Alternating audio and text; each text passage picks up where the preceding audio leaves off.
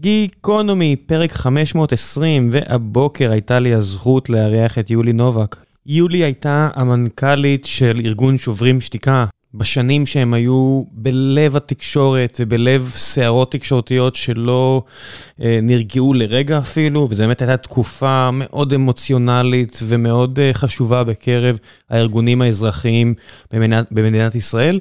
ואחרי שיולי אה, סיימה את תפקידה, היא גם uh, כתבה ספר על הסיפור הזה, והיא שחררה אותו לא מזמן, ושאלו אותי uh, אם אשמח uh, לארח אותה, אז כמובן אמרתי שכן, והזדרזתי וקראתי את הספר לפני שהיא מגיעה, והנה היא הייתה, ולצערי זה לא הלך הכי חלק.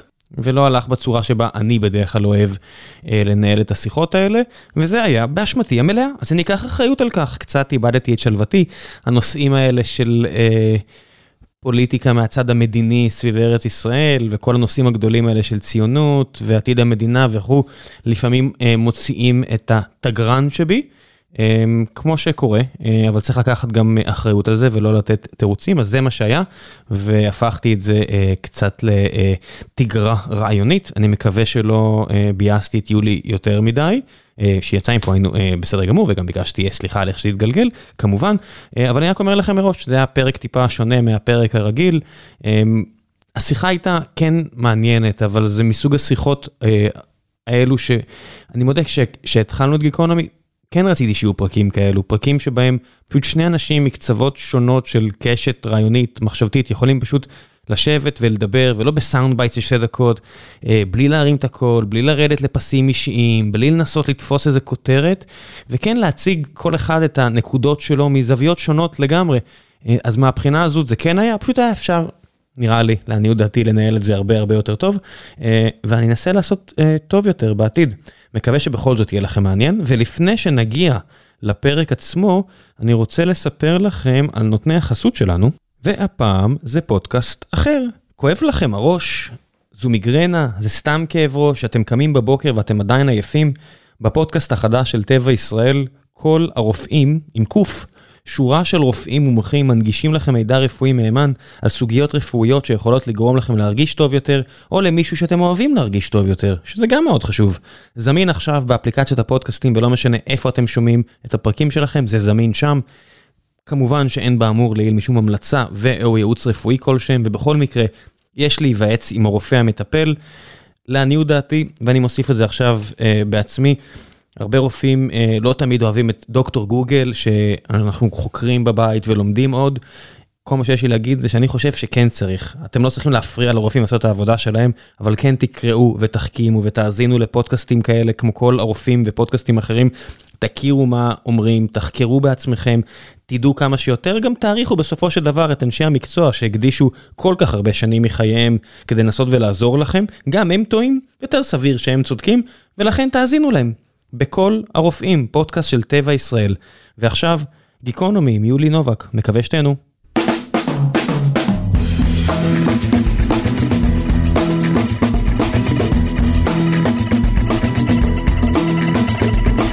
גיקונומי, פרק 520, והבוקר יש לי הזכות לארח את יולי נובק, שהייתה המנכ"לית של שוברים שתיקה, ובדיוק שחררה ספר, וזו היה התירוץ הרשמי להביא אותך לכאן, או לבקש ממך להגיע לכאן.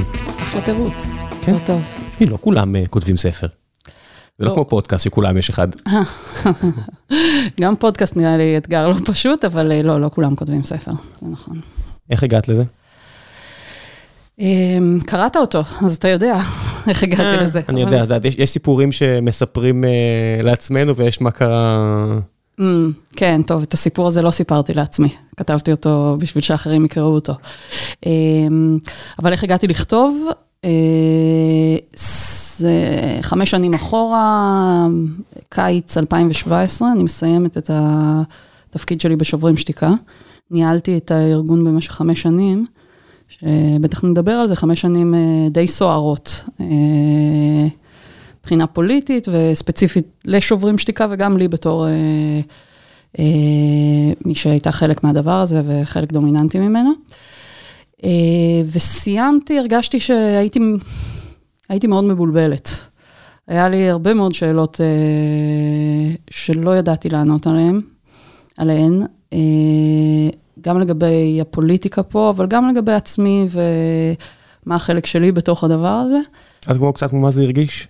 מה זה? כמו, זה הרגיש קצת כמו 2006, טיפה אחרי שאני השתחררתי, שחבר'ה השתחררו אחרי 3-4 שנים, היו נגיד בשירות מלא אינתיפאדה, ואז מלחמת לבנון השנייה, הניחו את הנשק ואמרו, אוקיי, אני צריך שנה הפסקה מהמקום הזה, והלכו להסתובב בעולם. אמ, זה מעניין שאתה אומר את ה... אני, אני, כלומר, הייתי צריכה הפסקה, הפסקה. אני הרגשתי אז שאני צריכה, שאני לא יכולה להישאר פה. גם היה לי קשה מדי, גם היה מסוכן מדי בשבילי אה, אה, להיות פה, ככה זה הרגיש, שבמובן מסוים באמת איבדתי את הבית, אבל אולי רגע רק לאנלוגיה. אני חושבת שכן, שיש משהו בלהיות בתוך מאבק פוליטי אה, מאוד מאוד אינטנסיבי ומטלטל מהסוג שאני הייתי בו, שיש מה, אני לא חזרתי אף פעם מהמלחמה. כלומר, לא יצא לי, לא, לא, אני לא לוחמת. מלחמה אחרת. אני לא לוחמת, אז לא הייתי, במל... לא הייתי במלחמת לבנון. לא ירו כן, עלייך, בסדר? זה כן, הכל. אבל, אבל כן, אה, יש לי לא מעט חברים שמשהו בלשמוע איך הם הרגישו, נגיד שהם חזרו מלבנון ב-2006, אה, התחבר. התחושה הזאת, אתה יודע, של לחזור וכאילו החיים ממשיכים, כאילו אתה נמצא באיזה עולם אחר, ואז אתה חוזר פתאום הביתה ורואה, מה זה, אנשים אנשים יושבים בבתי קפה, איך זה כן. יכול להיות? יובל בנאי חוזר אה, כחייל ומתחיל אה, לכתוב שירים למשינה, שהוא אומר, איך יכול להיות שבבתי קפה בתל אביב כולם כן. בסדר, ומה שקרה שם. כן, כן, אז קצת חייתי בתחושה כזאת, למרות שזה מוזר, כי באמת לא, יכולתי לחוות אותה בתל אביב, כלומר, זה לא שהייתי הולכת למשרד וחוזרת הביתה, והתחושה הזאת הייתה שיש איזה שני עולמות, אבל לא זה היה, כלומר, היציאה מפה, המסע החוצה מפה, אמ, היה, כן, הייתי צריכה זמן. אה, אני הרגשתי שזה קצת אה, הכל או כלום. אה, כלומר, שאני, שאני לא יודעת איך להמשיך לחיות פה. איך, איך אני יכולה להמשיך לחיות ב, בישראל, ו... ולצאת מפה היה פשוט אה, כאילו הדר, הדרך היחידה ש, שמצאתי, בין היתר מתוך רצון להצליח למצוא את הדרך חזרה, אבל ידעתי שאני צריכה לעבור איזשהו משהו אה, בשביל שזה יוכל לקרות. הסיפור עצמו לא מלא בתאריכים, בגלל זה גם שאלתי אותך לפני mm. הפרק, הספר עצמו מתחלק בעצם אה, חצי אה, תיעוד כרונולוגי על מה שעברת בשוברים שתיקה, ובוא נגיד החצי השני הוא אה, טיול אחרי צבא עמוק יותר, שבו את גם כותבת, שבו את מגיעה למקומות... אה, נטושים יותר או נטושים פחות, אה, כשהשיא של הספר זה ביקור ארוך מאוד של כמה חודשים בדרום אפריקה. כן. אה, שזה כן. יעד אה, סימבולי להפליא.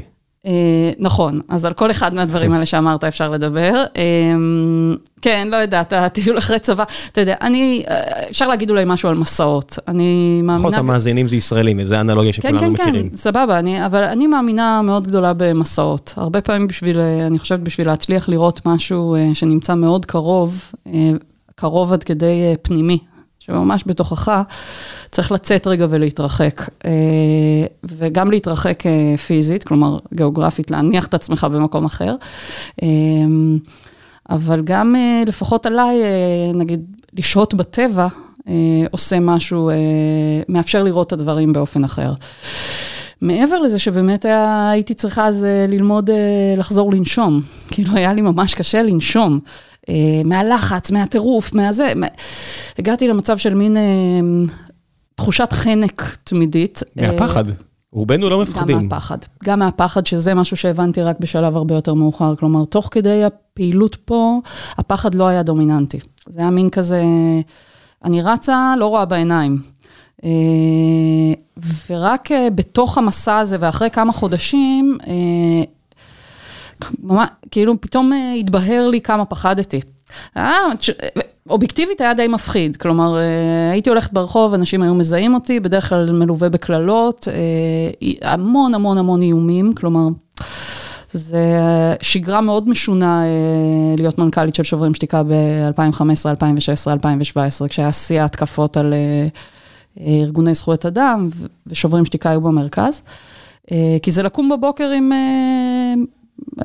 לפעמים עשרות הודעות של, שהם לפעמים גם מאוד קונקרטיים, של כן. מה הולכים לעשות לי ואיך הולכים לעשות לי. אז, ומצד שני, אי אפשר לחיות בפחד הזה כל הזמן, אז כאילו ממשיכים ושמים אותו בצד באיזשהו אופן. זה גם אפקט המגירה באקסטרים, את יודעת, זה בסופו של דבר, אני מודה, כי מי שלא ראה חדשות כבר עשור, או לא יודע כמה שנים, שום צורה של חדשות, אני רק קורא, אמ, לא ידעתי איך את נראית עד שלא הגעת היום, לא ראיתי אותך אף פעם. כן. אה, ומי שזיהה אותך, זה נגיד אחוז לא גדול מהאוכלוסייה, אבל ברגע שאומרים לך משהו ברחוב, מאיימים עלייך באיזושהי צורה, זה מרגיש כאילו השמיים נופלים עלייך.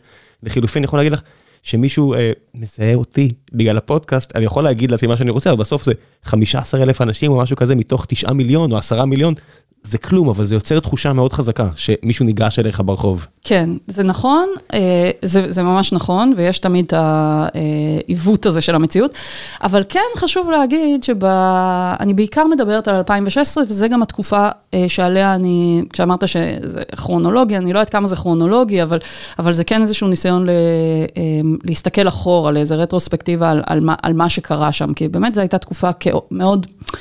כאוטית מבחינתי. ומה, ש... ומה שכן שונה אולי בדבר הזה, וזה ספציפית קרה עם שוברים שתיקה, והרבה אנשים, אני חושבת שכן רואים חדשות, זוכרים את זה, זה שממש בתוך, אה, אה, אני לא אגיד ימים, אבל שבועות ספורים, והאמת היא שזה די, זה כמעט שבוע. אה, שוברים שתיקה הפך להיות מארגון שהכירו, אה, אבל אם אני אהיה כנה, אז רוב האנשים ששאלו אותי מה את עושה, אני התחלתי לעבוד בשוברים שתיקה כמנכ"לית ב-2012, ורוב האנשים בשנתיים הראשונות ששאלו אותי מה, שנתיים, שלוש, אה, מה את עושה, אמרתי שוברים שתיקה, לא ידעו על מה מדובר. כלומר, היו אומרים לי, מה, זה משהו, אלימות במשפחה, זה זה, לא... ובסוף 2015, דצמבר 2015, באמת, פחות או יותר בבת אחת, התחילה מתקפה מאוד מאוד רצינית, גם של הממשלה, גם, כאילו, הממשלה, הכנסת, כאילו, הרמה הפוליטית. תקשורת שעטה עלינו בבת אחת. אה, אה, גם אופוזיציה. אני, לא ידעתי את זה, כי לא הכרתי כאמור, אבל אחרי שקראתי ספר, יובל שטייניץ היה פה האורח הקודם. אז אמרתי לו, זה לא רק אתם, גם יאיר לפיד כינס מסיבת כן. עיתונאים קיקיונית, לפי מה שקראתי בספר, ו... יאיר אה, ניסה ולרגעים הצליח, אה, הוא, הוא, מאוד הצטרף לקמפיין הזה, אני לא חושבת שהוא הוביל אותו, זה הגיע יותר, ברמה הפוליטית זה הגיע יותר מכיוונים של אה, מה שהיה אז הבית היהודי והליכוד, אבל, אבל בהחלט בהחלט הצטרף לחגיגה, וגם ממפלגת העבודה היו מי ש, שיצאו נגדנו, אז זה באמת היה... אה, across the board מה, מהבחינה הזאת, אבל הרבה מאוד, וזה אולי הנקודה של, הרבה מאוד הופעות תקשורתיות, כלומר התקשורת עסקה בנו באופן די... אה, מה שלנו הרגיש אז לא פרופורציונלי, היום אני יודעת להסביר אותו פוליטית אחרת, אבל צריך להבין שתוך שבוע הפכנו להיות אה, שוברים שתיקה, מה ש... כולם מכירים, כולם מדברים עליו, אנחנו המון רואים אותנו בטלוויזיה ובעיתונים. אה, כי צריך לרכז אש במקור אחד, זה תמיד אה, משהו שעובד. שלוש שנים לפני שהסיפור הזה מתחיל, או לא, לא יותר, שבע שנים לפני שהסיפור הזה מתחיל, עשיתי איזה כתבה לבלייזר, ועקבתי אחרי ילדד יניב שהתחיל, אה. ואם אם תרצו שהם התחילו. כן. ו... ורונן וארז מ... ואם תרצו, ריכזו את כל האש שלהם בקרן החדשה. מי זוכר בכלל את הקרן החדשה היום, אבל באותם רגעים אני בטוח ש... 2009, כן. כן, ש... שנעמי וכל החבר'ה האלה... נעמי חזן עם ה... כן, נעמי חזן עם הקרן, כן. וקרנף, וכל הדבר, כל הדימויים החזקים האלו. אני בטוח שעבורה, באותם רגעים, השמיים קורסים. ואני זוכר שהייתי איתם בבן גוריון, באוניברסיטת בן גוריון באיזשהו אה, כנס כזה, ומישהי נעמדה ואמרה, נעמי זה דודה שלי, אתם הורסים לה את החיים, או משהו כזה. והסתכלתי מהצד ואמרתי, וואו, זה, זה, זה החוויה הפרטית שלה. אני אפילו לא מכיר על מה... את כל הסיפור הזה, אבל עבורה זה השמיים קורסים. אה, כן, כן, אבל שוב, פה אני, זה, אני חושב, אה, אתה מדבר על 2009, כשאם תרצו התחילו אה, סיבוב, עשו סיבוב על הקרן החדשה. כן. זה היה מאוד עוצמתי, וזו הייתה הפעם הראשונה, אני חושבת, לפחות בתקופה הזאת, שזה קרה, כלומר, מאז שנות 2000 נגיד, שזה קרה ב, גם, גם בדינמיקה הזאת של ארגוני ימין, ארגונים לא ממשלתיים, אבל מה שאנחנו קוראים... GNGOs, כאילו governmental non-governmental uh, organizations. זה uh, ארגונים שהם לא ממשלתיים, אבל הם בהחלט באג'נדה הממשלתית והמשטרית. גם אתם, פשוט בממשלות אחרות.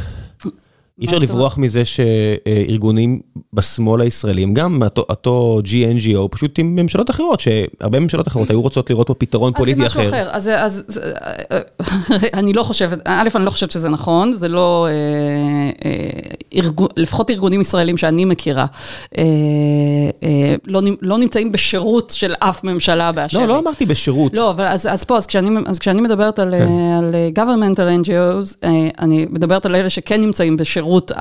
האג'נדה הממשלתית וזה, אבל... ממה שאני ראיתי, דרך אגב, אצלהם, זה הרבה יותר הרגיש הפוך. זאת אומרת, זה ממש הרגיש שארז ורונן יושבים, ומנווטים את הכלב. זה לא שהכלב מזיז את הזנב, אלא הם יושבים וכותבים חוקים עבור הפוליטיקאים. כן, כן. והפוליטיקאים, ויצא לי לפגוש לא מעט מהם, בסופו של דבר, חבר'ה, ש... שאתה הולך כל כך הרבה לבר מצוות ועסוק בפריימריז, עם כל הכבוד, אתה לא חכם גדול, אתה לא אינטלקטואל גדול, כי אין לך כבר זמן לזה, אז אתה מקבל ניירות ממישהו ודוחף אותם. ברור, ברור, וזה, וזה, ו- ולא ואגב, הפוך זה בסדר. בניגוד. ואגב, זה, הדינמיקה שתיארת עכשיו היא בסדר, אה, כלומר, אין איתה בעיה, זה בסדר בעיניי שיש ארגונים, זה אפילו קריטי בדמוקרטיה. אה, רגע, אם נפשוט את, ה, את האג'נדה הפוליטית ורק נניח את הזה, יש ממשלה, יש כנסת, יש מוסדות מדינתיים, ויש ארגוני חברה אזרחית, מה שאנחנו קוראים, שפועלים ועושים כל מיני דברים. החל ממחקר, דרך אדבוקסי, לובינג לכל מיני, הכל בסדר. אין, אני גם, גם עצם התופעה שיש, עצם התופעה שיש ארגוני ימין, היא לא הבעיה. אה, אני, עזוב, אני בכלל לא מדברת על הבעיות, אני מנסה לזהות את התהליכים. ואם רגע נחזור לזה, אז ב-2009 היה את הסיבוב על הקרן, על הקרן החדשה, ואם תרצו, והיה גם באוניברסיטאות, אתה בטח זוכר, התחילו כן, לעשות... זה מה שאמרתי. לך, הייתי כן. איתם חצי שנה. ליוויתי אה, אוקיי, סבבה, כן, זה- כן. זה הבן גוריון, כן, כן. ליוויתי ו- אותם לכל מיני מקומות כאלה. מחלקה לפוליטיקה וממשל בטח וכל אלה, נכון? אז היה... לא, זה כנסים, אני יודע, מי שהגיע, זה זה כאילו, כן, אבל... כן. הקיצר, אבל אנחנו עושים fast forward אה, שש שנים קדימה, מ-2009 ל-2015, סוף 2015, ואז התחיל מה שהיום אני יודעת לזהות כ-crackdown אה, אה, על החברה האזרחית בישראל. אה, וספציפית על ארגוני זכויות אדם, ואם להיות עוד יותר ספציפיים, במוקד ההתקפות האלה היה אה, שוברים שתיקה, זה לא היה ספציפית על שוברים שתיקה, היו עוד ארגונים מסביב שחטפו, אבל אנחנו בהחלט חטפנו את רוב האש, ומהבחינה הזאת זה לא היה באותן פרופורציות של 2009. זה מה שחשוב לי להגיד. העולם השתנה, היה- הכ- הכל נהיה הרבה יותר אה, עוצמתי וחזק עם הרשתות החברתיות והתקשורת. אז אתה יכול להסביר את זה ככה, ואני חושבת שזה נכון, זה חלק מההסבר, וגם אני חושבת שיש פה תהליך, אנחנו ראינו אותו קורה בהרבה מדינות בעולם, אה, של, אה, שהוא ברמה של שינוי משטרי. כלומר, אה, המערכת המשטרית, וכשאני אומרת משטר, אני מתכוונת ל... לא המוסדות, אלא הסיסטם, עם, ה, עם ההיגיון שלה, היא משתנה, היא מעצבת את עצמה. זה לא אומר שהיא עושה shift של 180 מעלות, היא לא קורסת ונבנית מחדש, אלא היא מעצבת את עצמה באופן שהולך יותר ויותר לכיוון אה, אוטוריטרי, שמרני. אה, אה, רואים את זה, שוב, בהרבה מדינות, גם במזרח אירופה, גם ארה"ב טראמפ לצורך העניין, בעיניי זה חלק מהתופעה הזאת. כן, אבל זו תופעה שהיא מייצגת חצי מהעם, בזמן שהחצי השני הולך ונהיה הרבה יותר ליברלי. מי, ש... okay. מי אוקיי. שבצד השני יגיד שהוא קיצוני ליברלי, אבל כמי שחווה את קליפורניה לא מעט, Mm-hmm. וגם חווה פה את הצד הליברלי, את יכולה להגיד שהמדינה נהיית יותר שמרנית כי טראמפ נבחר, אבל בסופו של דבר, השיח עצמו, ואני לא מדבר על מושגים כמו critical race theory, שזה עוד איש קש שדחפו אותו הכל, אבל בסופו של דבר, דברים שהיום אני לא יכול לומר, כי יפטרו אותי מיד. Mm-hmm. אני אפילו לא, לא, יג... לא אשים אותם על שפתיי. כי כן. יפטרו אותי מיד, לפני שבע שנים היה מותר. אז זה בדיוק מה ש... אה, אה, וזה לא אני- שמרני, זה מגיע לכיוון, אה, מה שהם תופסים אותו בתור ליברלי, הגופים הכ- הכי בשמאל. אה, אתה, מה, ה-PC, משטר ה-PC? אז אני לא הולך למשטר? PC, העו- העובדה היא שבאמת יש הבנה, באמת שיש הבנה יותר חזקה של ערכים ליברליים, ואיפה יותר חזק מלראות מה שקורה בשבוע האחרון, כשמדינות ניטרליות כשוויץ, בגלל התקשורת, בגלל הכל אומרות, לא, לא תהיה פה פלישה של מדינה אחת לשנייה, אנחנו לא נהיה ניטרלים בסיטואציה הזו, וזה אף פעם לא היה. תמיד לאורך ההיסטוריה, אותה מדינה, או או ארצות הברית, היו פולשות למדינה אחרת, וכולם היו ממלאים את פיהם במים. ועכשיו, תוך שישה ימים, שבעה ימים, את רואה שהתקשורת והסיסטם, או איך שלא תקראי לזה, הדינמיקה יצרה מציאות שהיא הרבה יותר הצד השמאלי, האנטי-פשיסטי. אה, לא יודעת אם, אם, כלומר, אני מבינה את, הח, את החיבור הזה, אני לא יודעת אם זו אותה תופעה שאתה מסתכל, ש... ש... להט"בים, שזו אוכלוסייה שמן הסתם את כותבת עליה הרבה, כי את נמנית עליה, אה, יש מגמות... על עצמי. אה, לא, אבל, אבל מה שאני רואה וחווה עם, עם חברים יודע, היכולת למשל לפונדקאות ודברים כאלה, יש... כן, אבל ראם, אני, כן. אני אומרת משהו אחר, אני לא אומרת ש... אני, אני, תשמע, אני לא סוציולוגית, אני לא עשיתי... אה, כן, גם אני לא. לא, זה סבבה. סתם מה שאני רואה וחווה, כן? לא, אחלה, אני אומרת, אני גם לא... כלומר, אני לא יודעת לחלק את האוכלוסייה, לא בישראל ולא במקום אחר, על הלך הרוח. ברור שיש אה, תנועות לכאן ולכאן, וגם, וגם זה פיזיקה, כלומר, יהיה תנועה לכיוון אחד, אז תמיד יהיה תנועה לכיוון אחר, זה נכון. אני, מה שאני מדברת עליו ומה שמעניין אותי להסתכל עליו, זה איך עובדת המערכת המשטרית. והמ, ו, ופה יש מאבק, אנחנו נמצאים במאבק שגם אם בסוף אה, יש תגובת נגד אליו, שמייצרת איזשהו אה, אה, אה, סנטימנט, ליברלי חזק, בהרבה מאוד מדינות, ו...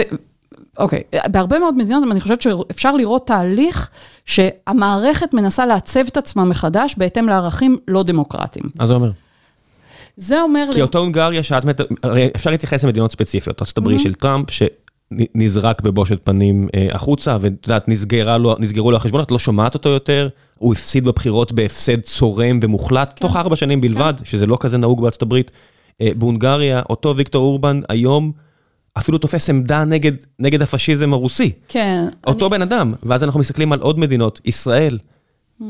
יש פה חברי מרץ ועבודה שנבחרו, את יכולה להגיד שהם לא ממלאים את האג'נדה שלהם, והארגון, עדיין יש כיבוש והרבה דברים, אבל בסופו של דבר, הטראג'קטורי, הכיווניות, 아. גם אם זה הלוך חזור, היא עדיין נוטה לכיוון של, אין פה איזה תנועה מגמה ברורה לכיוון ימני, קסנופובי, אנטי-להט"בי. על, על, על מגמות אתה דיברת, לא אני. מה שאני, כן. אני דיברתי על רגע פוליטי.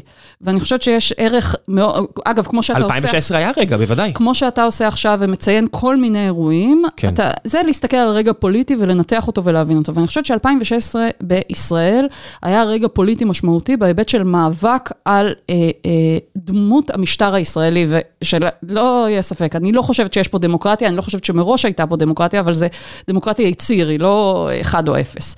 ובמובן הזה היה פה ניסיון של המשטר על המערכות השונות שלו, מהממשלה, דרך התקשורת, דרך מערכת המשפט, אה, וגם חברה אזרחית מימין, לעצב את המערכת באופן שיתאים יותר לערכים שלהם, שהם כן, שהם ערכים שמרניים. אני לא מצליח אבל להבין מה שאת אומרת, כי בשנות ה-70 ו-80 ו-50 ו-60 המצב היה הרבה יותר גרוע. זאת אומרת, העיתונאים פה... אורי אבנרי אומר, לא כתבתי על רבין כי לא רציתי... אבל איך זה קשור? כי את אומרת, המערכת מנסה לעצב, זאת אומרת, מנסה לקחת ממצב A למצב B. נכון. אבל אני אומר, אבל מצב A, הוא היה יותר. זאת אומרת, אנחנו להפך, התנועה, אם את אומרת, המערכת מנסה לעצב לכיוון א', שמגבילים תנועה אזרחית, שמגבילים חופש עיתונאי. חופש ביטוי, שמגבילים חופש עיתונאי. אבל אם היום יש יותר מאי פעם, אני אומר, אם אני משווה את זה לכל סיטואציה אחורה, בחיי ישראל, זאת אומרת, זרקו פה רימונים על הפגנות שלום. עיתונאים לא יכלו לכתוב מה שהם רוצים, אזרחים לא יכלו להגיד מה שהם רוצים. אני אומר, אז איפה, איפה הניסיון הזה של המערכת לשנות אם הכיוון, הכיווניות היא תמיד ליותר? א', בואו נבחין בין, יכול להיות ניסיון ויכולות להיות לו כל מיני תוצאות, ומה שאתה ציינת עכשיו זה תוצאות שאני לא מסכימה עם ההבחנה הזאת, אני לא חושבת שהמצב היום בישראל הוא יותר טוב מאי פעם. מתי היה יותר טוב? יותר טוב מאי פעם בהקשר של חופש ביטוי וכו'. מתי היה יותר טוב? לא יודעת. אז איך את לא מסכימה עם זה? לא, אני לא, אני אומרת, אני לא יודעת, יכול להיות שלך זה מאוד ברור שכרגע אנחנו במצב הכי טוב שזה, לי זה ממש לא ברור, אבל... לא, אבל מה שאני רוצה להגיד, יש... יכול, אני מסתכלת על מאבק פוליטי ועל uh, מכניזם שמנסה לייצר שינוי. אתה אומר לי, הנה תראו, תראי, הם ניסו ולא הצליחו. סבבה, יכול להיות, שוב, לא בטוחה שאתה צודק, כי אני, רוב העיתונאים שאני מכירה, uh, אני אקח אותם היום ואת אותם עיתונאים עשר שנים או חמש עשרה שנה אחורה, והיום הם יפחדו, הם ידעו שיש תג מחיר, יישב להם בראש, זה הצנזורה העצמית. הם ידעו שיש תג מחיר על דברים שהם יכלו בקלות להגיד לפני כן ברמת הביקורת על המערכת. לא מדברת איתך עכשיו על ה... מה, הם לא יכולים להגיד על בנט או על מרב מיכאלי או על ניצן הורוביץ? לא, לא, לא, על המערכת, על המערכת. מה זה המערכת? על אי הלגיטימיות של קיומה של מדינה יהודית, למשל. ובעבר אי פעם היה... על ביקורת על, ביקורת על, אבל אני יותר רכה, בסדר? ביקורת על הכיבוש באופן ישיר. אבל אני לא מדברת רק על עיתונאים, אני מדברת על מורים. אני מדברת על...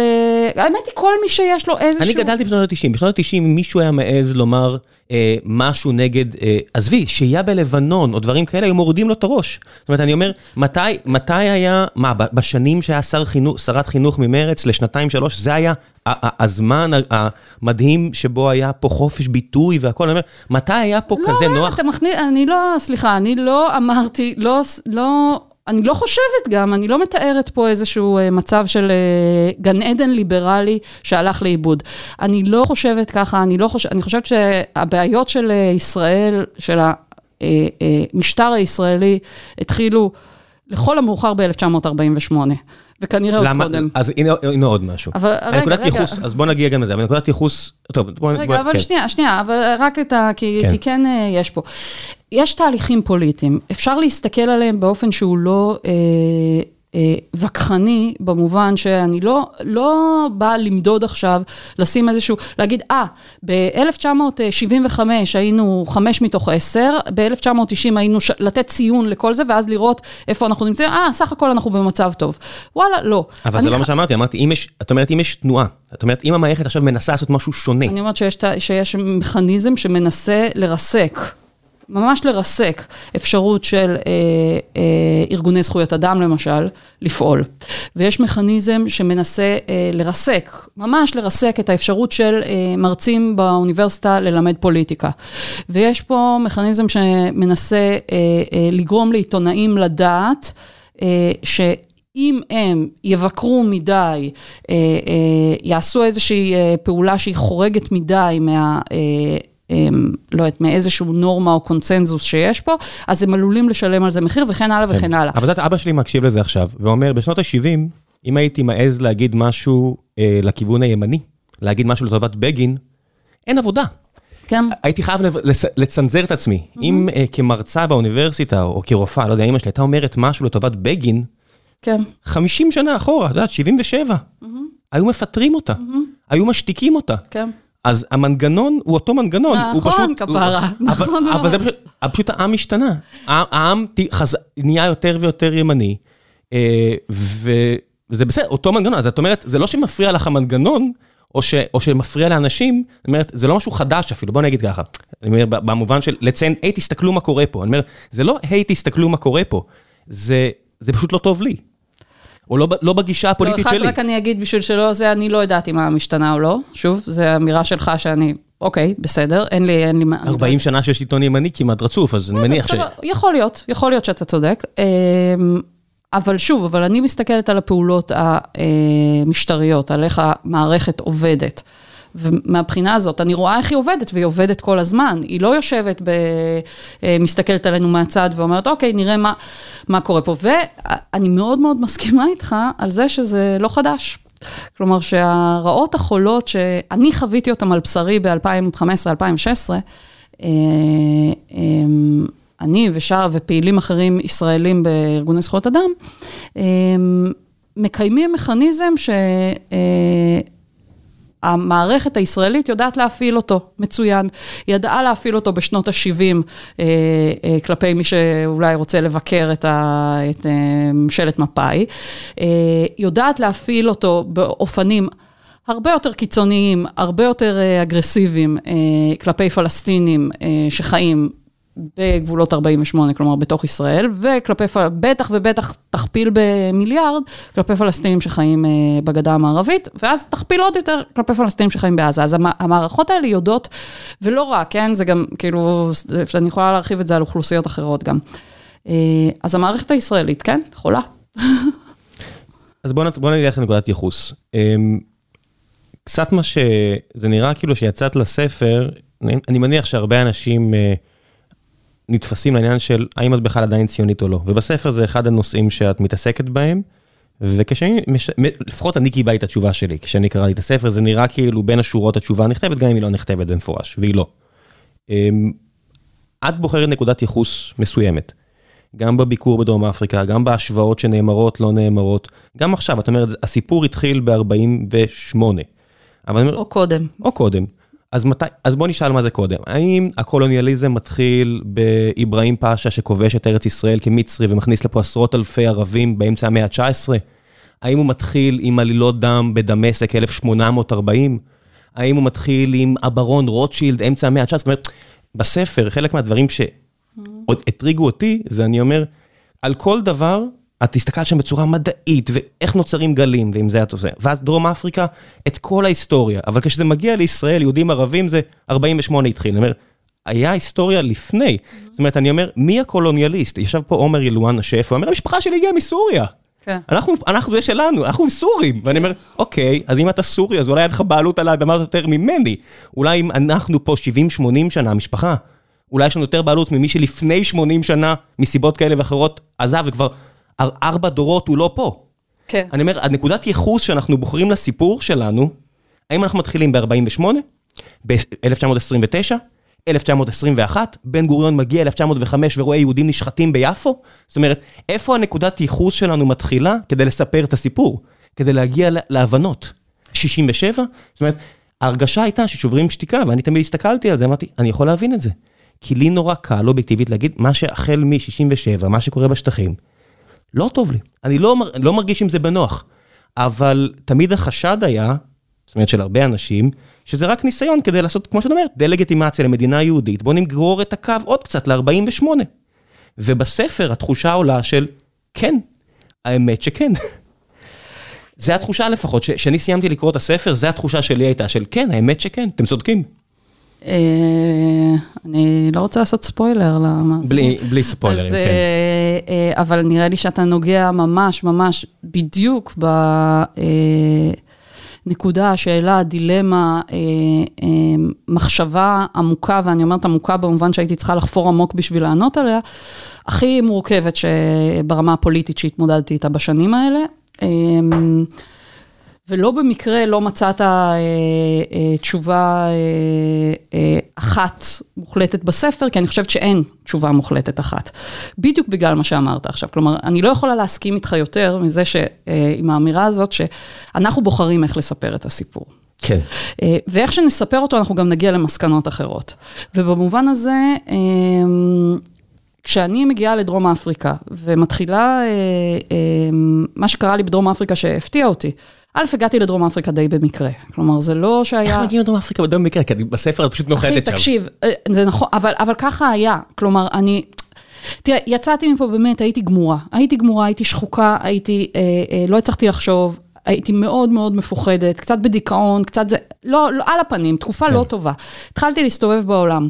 אה, ודי, באמת, כמו איזה, כאילו מצאתי את עצמי, הייתי קמה בבוקר ולא יודעת באיזה יבשת אני, וחלק מהמקומות האלה נכנסו לספר.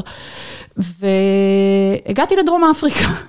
עכשיו, זה בדיעבד ברור שזה לא היה במקרה וזה שינה לי את החיים, הדרום אפריקה הזה, ונשארתי שם באמת חודשים ארוכים, ועד היום אני נמצאת על הקו. אמ, אבל, אבל, אבל מה ש, משהו מעניין שקרה לי בדרום אפריקה, אתה יודע, אני הגעתי לשם, הייתי בטוחה, ידעתי מעט מאוד. על, אה, על דרום אפריקה. ואני יודעת, ידעתי, יש אפרטהייד, יש אה, שחורים, יש לבנים, טובים רעים, כאילו רעים טובים, לא משנה. אמ, והייתי מצפה מעצמי, בתור מי שכאילו נמצאת בצד הנרדף במאבק פוליטי, שאני אגיע לשם ואני אלמד על הקהילה השחורה, על מה שעל המאבק השחור. ומהר מאוד מצאתי את עצמי, לא באופן מתוכנן בכלל, נמשכת אה, דווקא לאפריקנרים, ללבנים שחיים בדרום אפריקה, וגם זה קשור לשאלתך על קולוניאליזם.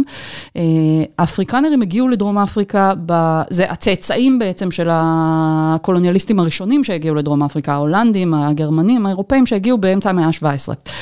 ו-150 שנה אחר כך הגיעו האנגלים וכבשו אותם.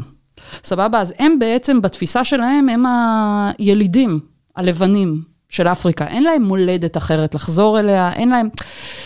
ואני התחלתי, כאילו, פגשתי אותם, והם גם אלה, חשוב להגיד, הם אלה שהפעילו את משטר האפרטהייד במאה ה-20. כלומר, ואז אני שומעת איזשהו סיפור שמאוד אה, קשה לי, מצד אחד, מצד אחד אני מאוד מאוד מרגישה שאני מחוברת אליו, ומצד שני הוא מאוד קשה לתפיסה, וזה סיפור של אה, אה, אנשים שבטוחים, כלומר, מה זה בטוחים? שזו המולדת היחידה שלהם.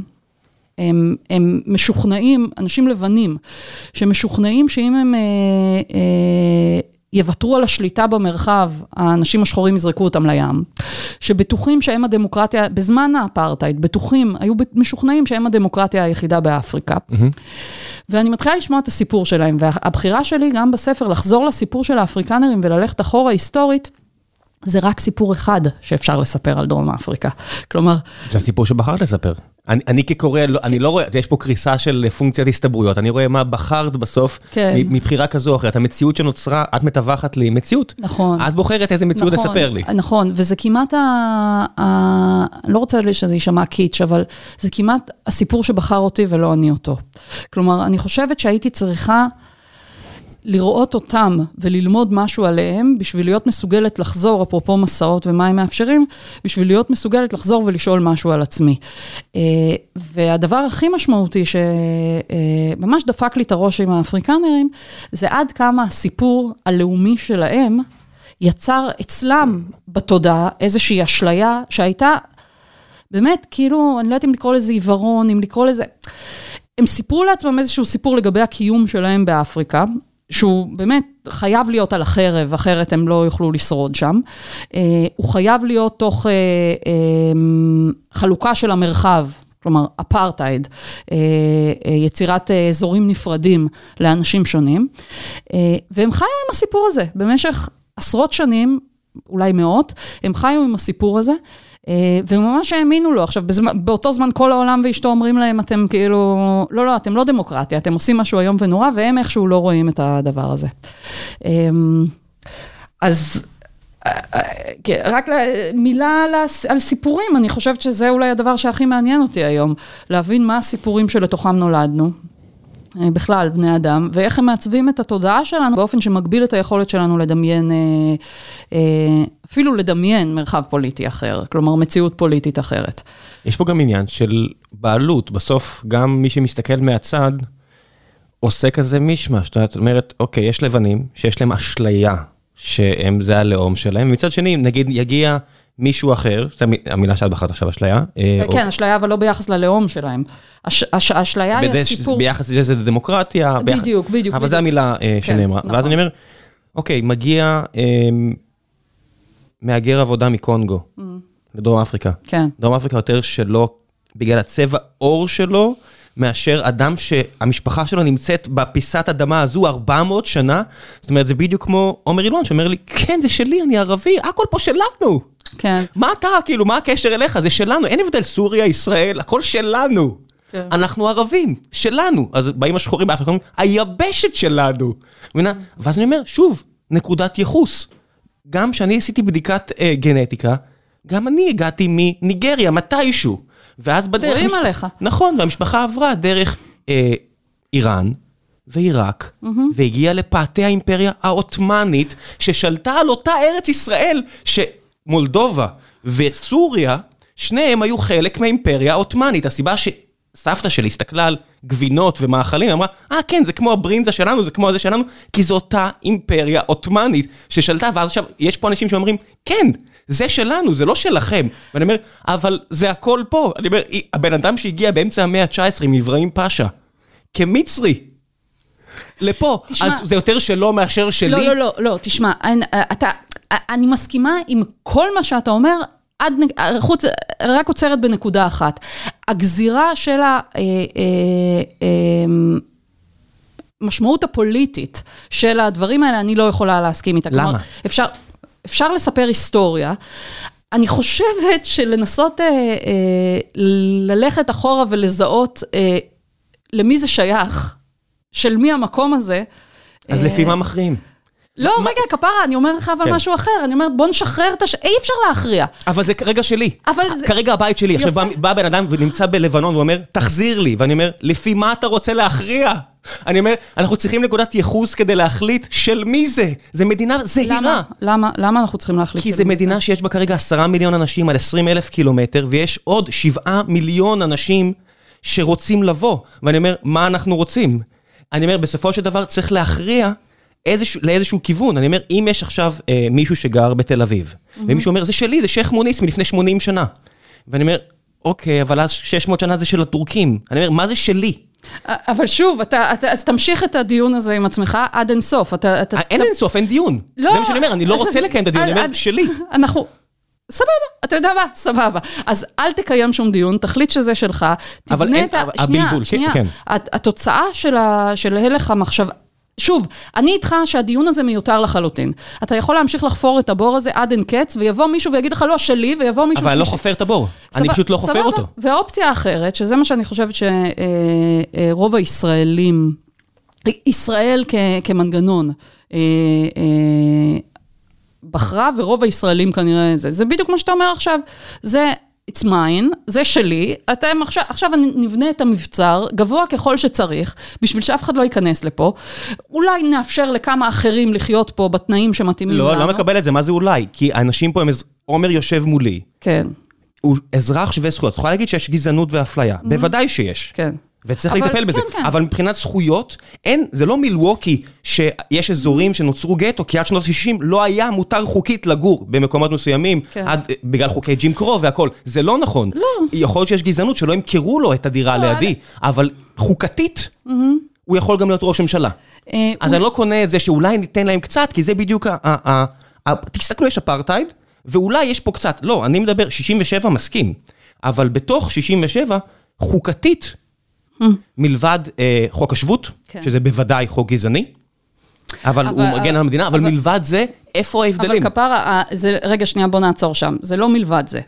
כי ברגע שיש לך מדינה, שיש בה אה, חוק הגירה הכי בסיסי והכי קריטי, כן. שמבטיח שימור של רוב אה, מקבוצה נכון. אתנית מסוימת, נכון. זהו, אני אעצור. אבל גם, גם, אבל בצד השני, צבא, אני מחויב לתת צבא, הוא לא, לא, זה לא אחד על חשבון השני. אבל זה בדיוק הנקודה, שזה כן על חשבון- רגע אחד על חשבון יצרת- השני. יצרת, באותו הרגע שבו יצרת חוק הגירה, שגם מילא אם היית אומר ווט מתה, לא משתמשים בו, לא, לא, לא, לא, לא, השתמשו בו. בוודאי. השתמשו בו אחוז שילינג לאורך. בוודאי, כי אני מסתכל בדרום אפריקה, ואת אומרת, אני חיה בכלוב.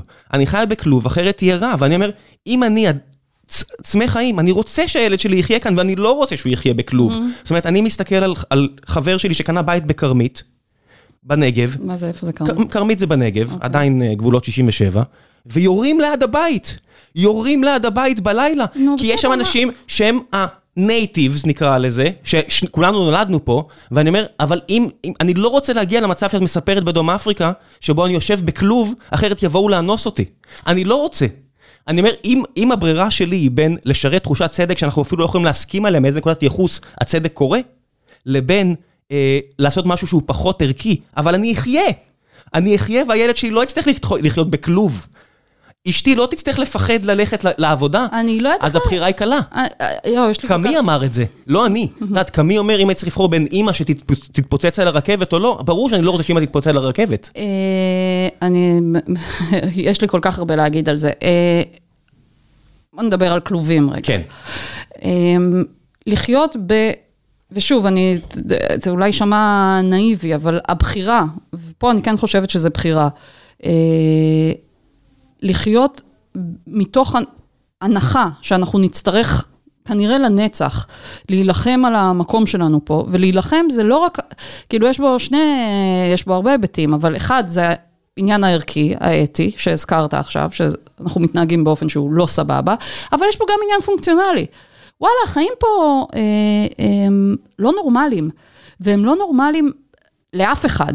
אה, לעשות לך רגע rewind לחצי שנה אחורה למה שהלך פה במאי, אה, לא יודעת. אני לא צריך להסתכל, אני מסתכל על rewind שפינלנד מוציאה הודעה שאומרת, היי חבר'ה, הנה צלפים פינים, רק תזכרו. זאת אומרת, העולם הוא לא snapshot, אני אומר, פינלנד לא. ושוודיה כרגע תחת איום של מלחמה, אני אומר, הנורמליות שבה אנחנו, שאנחנו משוועים לה, היא קמצוץ מהזמן. אירופה, קמצוץ מאיזה זמן? מהזמן האנושי, מאז המהפכה החקלאית, נו, אומרת, בסדר, ואז זה אומר שלא צריך... צריך, אבל אני אומר, אני נלחם לשאוף על, לזה. אבל צריך ללחום להילחם על הנורמליות, ומתוך ההבנה שאפשר להגיע לאיזשהו steady state, מעכשיו יהיה בסדר. אז אני מסתכל ואני מסת... אני מסתכל סביב. כן. אני אומר, אני רוצה, להיל... אני מוכן להילחם על נורמליות. אני מוכן להילחם על נורמליות. זה לא וזה- נשמע ככה.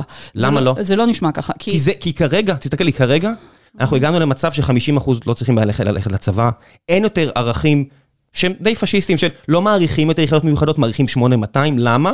אין אוטובוסים מתפוצצים, למה? כי מה? הגענו למצב של ביטחון, את יכולה להגיד זה יתערער מתישהו, יכול להיות. כל עוד 67 הוא כמו 67, אני חושב שזה סכנה של תמיד התערערות, אבל אני מסתכל ואני אומר, היה משטר צבאי עד 56, 57, 67, עד שישים- כן, 67, 66. כן, 66, משטר צבאי. כי פחדו, הורידו את המשטר הצבאי, ערבים ישראלים עכשיו פותחים מסעדות, רצים לכנסת, הם, הם בממשלה, הגענו למצב הזה מעולה, פנטסטי, למה? כי הם אזרחים שווי זכויות במדינה. במקום שהם לא יהיו אזרחים שווי זכויות, זה מצב שהוא לא יכול להגיע לסטדי סטייט. הוא עומד על התפוצצות, וזה באמת, הסתכלתי שוברים שתיקה, אמרתי, אני יכול להבין ואפילו להזדהות ואפילו לתמוך, כי מה שקורה מעבר לגבולות 67, הוא לא יכול להיות נורמלי. כשאתה שולט על עם אחר ואין לאנשים שם זכויות, הוא לא יכול להיות נורמלי. אבל עם, שאתה אומר לו, אני מצטער, לא, לאומיות לא, לאומיות לא יהיה לך, כל השאר כן. זה, אני אומר, עובדתית זה נורמלי, עובדתית זה עובד כרגע. התחושת ביטחון היא אמיתית, הכלכלה באמת צומחת בצורה אמיתית. אני אומר, זה נורמלי, זה לא אשליה, זה יותר טוב מדרום אפריקה. אה, א', זה הרבה יותר טוב מדרום אפריקה וקל מאוד, כי דרום אפריקה זה, המצב שם על הפנים, על הפנים. אני לא. רוצה שיהיה פה מצב על הפנים. אה, אז אני טוענת שאנחנו כבר שם. אז, אה, אבל כרגע אמרת שלא. רגע, רגע, רגע, רגע.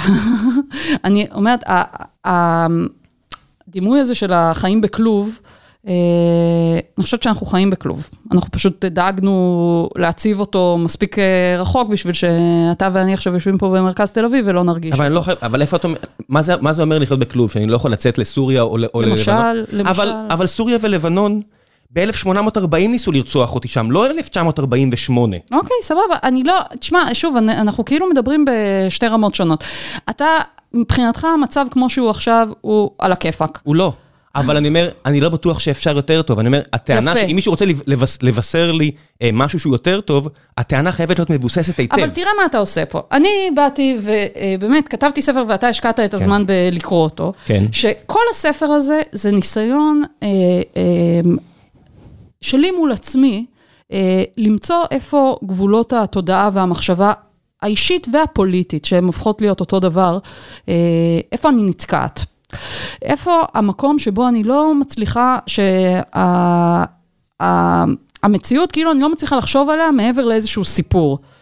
ואני נאבקת בזה, ואז אה, אני עושה את זה בכל מיני דרכים, בין היתר דרך ניסיון להסתכל אחרת על ההיסטוריה הדרום-אפריקאית. דווקא לא מהמקום של הרעים וטובים אה, הברור הזה, לא במי הקורבנות, מי המקרבנים, אלא להבין איך מתעצבת תודעה מהסוג הזה. אז אני אומר לך, כקורא, אבל כקורא... שנייה, רגע, כפרה, ואז כן. אנחנו יושבים פה, ועכשיו אני לא יודעת, חצי שעה או שעה, אתה ממשיך, וכאילו, אני מרגישה כמעט בכוח, מושך אותי לאותה שיחה, שממנה אני ממש, אין לי, אוקיי, בסדר, אם מבחינתך המצב כרגע הוא הכי טוב שאפשר להגיע. אבל לא אמרתי את זה. או אם האלטרנטיבות הן או זה או להיות דרום אפריקה, אז, אז בזה נגמרה השיחה. למה? אבל השיחה, תסתכלי, אני אני אגיד לך מה, נגיד שאת כותבת... או לא נגמרה, אפשר להמשיך, אבל היא שיחה שפחות מעניינת אותי זה, כרגע. וזה בסדר גמור, ואפשר להפסיק ברגע, ש- ברגע שאת רוצה, ואני אומר לך שאני קורא למשל את הספר הזה, אני רואה למשל עזרא נאווי, ככה מבטאים את שמו. כן. הבן אדם פדופיל. לא, לא, לא פדופיל? לא, לא, לא, לא, הוא לא פדופיל? לא, לא. הוא לא שכב עם ילדים בני 15? נשמה, רגע. הוא לא בן אדם בן 50 ששכב עם ילדים בני אבל מה, 15? מאיפה הבאת את זה עכשיו? באמת, כי אני אומר לך, כי אני קורא את הסיפור? הזה, כי אני קורא את הסיפור א', הזה. התשובה היא לא, אבל, אבל מה, אבל למה עכשיו אה, כי, כאילו... כי את בחרת בספר שלך כן. להציג דברים, אני אומר, עצם הצורה, מה שאת לא אומרת במפורש, כן. זועק משם. זאת אומרת, אני מסתכל על בן אדם, ש... יש שם ואת- 300 את- עמודים, יש הרבה דברים שלא נכנסו. אבל אני מסתכל על מה שכן נכנס. כן. אני יושב מולך ומדבר איתך על מה שכן נכנס, כי כן. קראתי את הספר. כן. אני לא עשיתי פה עבודה חפלפית, שהזמנתי אותך, אמרתי, בוא נדבר על באופן... אני קראתי. את הספר. ואני אומר, הקדש לעזרא נאווי עמודים, ואת קוראת לו בן אדם אכפתי, בין הכי אכפתיים שפגשתי. ואני לא אומר... המילה אכפתי נמצאת שם, אבל יש שם... אני, שנייה, אפילו הבאתי את- הציטוט המדויק, שבו אה, אה, בחרת לקרוא לבן אדם ששלח אדם למותו רק על מכירה של קרקע. טוב לב, טוב לב. טוב לא, אבל לב. זה גם לא נכון, אה, אתה רק... זה, זה פשוט אחד לא הפעילים קרה. המוסריים אה, ואחד האנשים הכי משונים אה, ומצחיקים וטובי לב שהכרתי כן. בחיי. אז זכרתי טובי לב כמו שצריך. כן. לא, ואני לא. אומר, אני אומר, אם עכשיו את שומעת על בן אדם אחר, מבוגר, 50-60, כן. ששוכב עם ילד בן 15, אני אומר, כאבא, אני אומר, איך אני קורא את זה ואני לא רוטט מזעם? אני אומר, זה שהבן אדם הוא חד-מיני, לא מרשה לו לעשות את הדבר הזה. ראם. אני לא יכול לקרוא לו טוב לב. אה. הוא- הוא הוא- הוא פדופיל, הוא אנס. אה, שוב, לא נכון, אבל ה- ה- הוא אומר שזה בהסכמה, הוא אומר שזה. אני קראתי את זה והלכתי לקרוא עליו. אז אתה, אתה יודע למה, למה עזרא נאווי מוזכר בספר? אז אני רוצה שנייה להתייחס, אני רוצה, אמרתי לא נכון. אז אני רוצה שנייה, שנייה, לפחות תכבדי את לא, העניין הזה. לא, אתה יודע למה עזרא נאווי מוזכר בספר? כן. באיזה הקשר? תגידי לי את. אני, אני קראתי את זה ואמרתי, את, את השתמשת בעזרא נאווי בתור דוגמה לאדם שעשו לו כל כך הרבה עוול, וזה מה שכתוב שם, עד שהוא הגיע למצב שהוא מת מסרטן. אני אה, לא מסרטן, אבל, אה, אה, אבל אני השתמשתי בעזרא נאווי והזכרתי אותו ואת ארגון תאיוש, שהוא היה חלק ממנו, בשביל לסמן שוב מה שמעניין אותי, אותי, זה להתעסק עם רגע פוליטי, ואני חושבת שמה ש, שהיה בינואר 2016, אה, לא חושבת, זה, אני מספרת עכשיו מה שהיה באמת, בינואר 2016 שודרה כתבה בעובדה. אה, שבה סופר איזשהו סיפור שעכשיו חזרת עליו, זה טענות על זה שהסגירו, מה הסגירו, לא משנה, זה גם לא קרה, אבל... לא, לא, לא, רגע, זה לא שאמרת שלא קרה, את מציינת בספר, מה שלא קרה, זה שהבן אדם לא נרצח על ידי הרשות הפלסטינית. כמו שאף אחד משוברים שתיקה בחיים לא באמת קרה לו משהו, זה רק הפחד. עזרא נאווי בחר לא, לשים לא, בן לא, אדם לא, בסיטואציה לא. של פחד, של חיים ומוות. לא, לא, שנייה. הסיבה שהדבר הזה נכנס לספר והסיפור הזה נמצא שם, זה כי ב-2016 אנחנו גילינו, יחד עם... גילינו את זה, שוב, באותו שידור של עובדה, זה שיש ארגון שנקרא עד כאן, שבמשך כמה שנים קודם לכן, היה עסוק בלשתול אה, אה, מתחזים, לאמן ולשתול מתחזים בארגוני זכויות אדם. זו פרקטיקה שגם כן, אפרופו, מוכרת מכל מיני אה, אזורים, אה, והדבר הזה בא ל... לידיעתנו, אנחנו כבר, זה ינואר 2016, אנחנו כבר בעצם חודש בתוך התהליך הזה של ה... מה שאנחנו קוראים התקפה על uh, ה-crackdown הזה, על ארגוני זכויות אדם, כלומר, באמת, גם מבחינת שוברים שתיקה, אבל גם ארגונים אחרים נמצאים ממש על המוקד בשלב הזה, ואז עובדה משדרים את הכתבה הזאת. Uh, והכתבה הזאת, מעבר לה באמת, ואין לי עניין, תסלח לי, אבל כאילו, גם כתבתי על זה, כבר פרסמתי על זה, זה לא, וגם מוזמנים לקרוא בספר, uh, את הלהתווכח אם עזרא נאווי אשם או לא אשם, במשהו בכלל לא... לא רלוונטי לסיפור הזה, כי אני מדברת עכשיו על משהו אחר. והטיעון על מהו עזרא נאווי הוא לא העניין. העניין הוא שיש פה, שהיה פה רגע שבו ארגון אזרחי, אפרופו זה, אה, מאמן אנשים, שולח אותם להתחזות, אה, ממש להתחזות לחברים, לפעילים בארגונים אה, שפועלים לבקר את הממשלה. אה, אבל זה לא רק לבקר את הממשלה, אבל יולי, זה בדיוק הנקודה. Mm-hmm. לא מעניין את הממשלה, יש פה בסוף דיון פילוסופי, ערכי, אמיתי. אני, מה הדיון הפילוסופי? מה הדיון הפילוסופי? על זכותנו להיות כאן. בסופו של דבר, אם אנחנו מסכימים, זאת אומרת, פתחתי עם זה, הטענה הייתה שארגונים כמו שוברים שתיקה ואחרים, mm-hmm. משתמשים ב-67 כדי לדבר על 48. זה הטענה שלך? זה הטענה של הרבה אנשים נגד שוברים שתיקה. זה מה שאתה חושב? בוודאי, אמרתי את זה אפילו במילים האלה. וואי, אני הכי לא, לא, סליחה, אז פספסתי. כן. לא- הכי לא מסכימה. אני יודע, אבל את כותבת... ובתור מי שניהלה את הארגון הזה, אני ממש יכולה להגיד לך שזה לא נכון וחבל. נכון, נכון, אבל בוודאי, ובגלל זה אמרתי שהגעתי לספר ואמרתי, אוקיי, את גם מציינת בכלל ספר, אני ציונית, אני זה. ובשלב מסוים בסיפור, את אומרת, האמת שאני כבר לא בטוחה. עכשיו, אני, אלא אם כן פספסתי, אולי אני צריך לקרוא כן. שוב, אבל שמי, אני קראתי את זה. לא, אני, אה, את, זה, הכל בסדר. אני אומרת, אה, אני מתארת שם, שוב, יש פה, זה, זה, זה ניסיון, ואני חושבת, זה ניסיון להחזיק איזושהי התפתחות גם ותפיסה, אה, התפתחות בתפיסה הפוליטית שלי. ואני מתארת שם איך בשוברים שתיקה באופן הכי כן, הכי אה, אה, ישיר, ושמבחינתי לפחות היה באמת אה, 100% כנות. אה, סיפרתי סיפור פוליטי. שבו יש... אה, מדינת ישראל היא מדינה דמוקרטית, אם אני עושה אותו, אני ממש מפשטת אותו. מדינת ישראל היא מדינה דמוקרטית, ב-67' היה fuck-up, כבשנו את אה, כל מיני שטחים, חלק החזרנו, חלק לא, לא משנה. נשאר הגדה המערבית ורצועת עזה, נפתור את הדבר הזה, נפתור את הבעיות שלנו, נחזור להיות דמוקרטיה. אני אומרת את זה מאוד מאוד בפשטנות, אבל זה בגדול התפיסה הפוליטית שהנחתה אותי, בתור מנכ"לית שוברים שתיקה. ואני חושבת ש...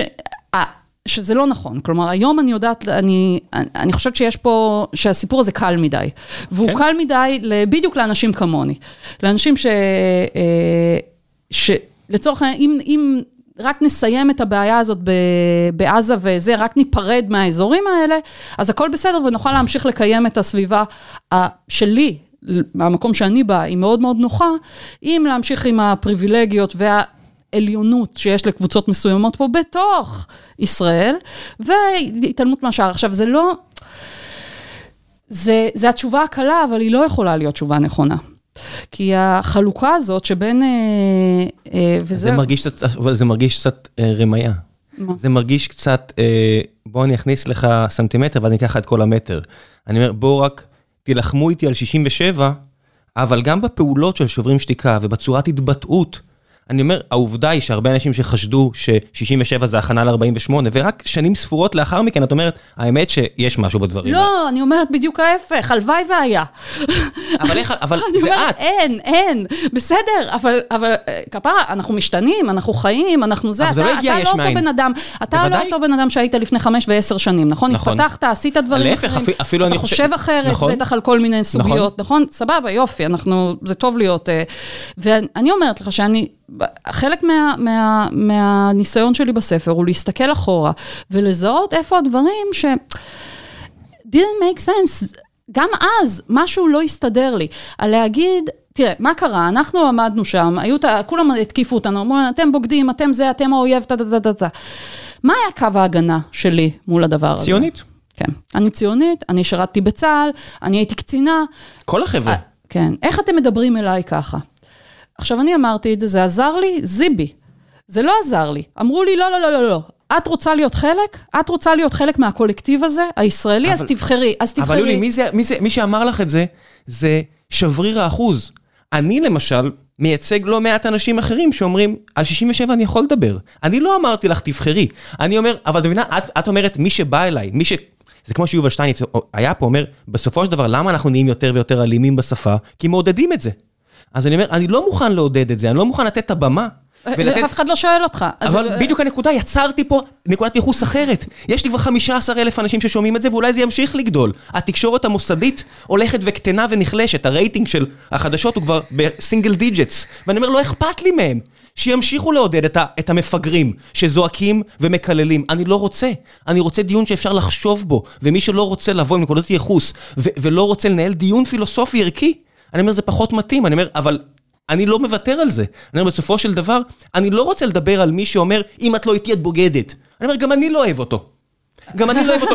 אני- ואני לא שואל אותו, כי אני גם יותר חזק פיזית בהרבה מקרים. אני אומר, אני מבין את הסיטואציה שאת מפחדת שמישהו, הוא הוא מאיימים עליו. לא, אתה לא מבין, אתה לא מבין, כי אני חושבת שהם צודקים.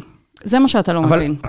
זה מה שאתה לא מבין. אני חושבת שכשאמרו לי, את לא יכולה להיות גם נגד הכיבוש וגם לאהוב את ישראל, את חייבת לבחור. את לא יכולה גם לבקר את צה"ל וגם, וגם להגיד אני פטריוטית, את חייבת לבחור. אני חושבת שזה נכון.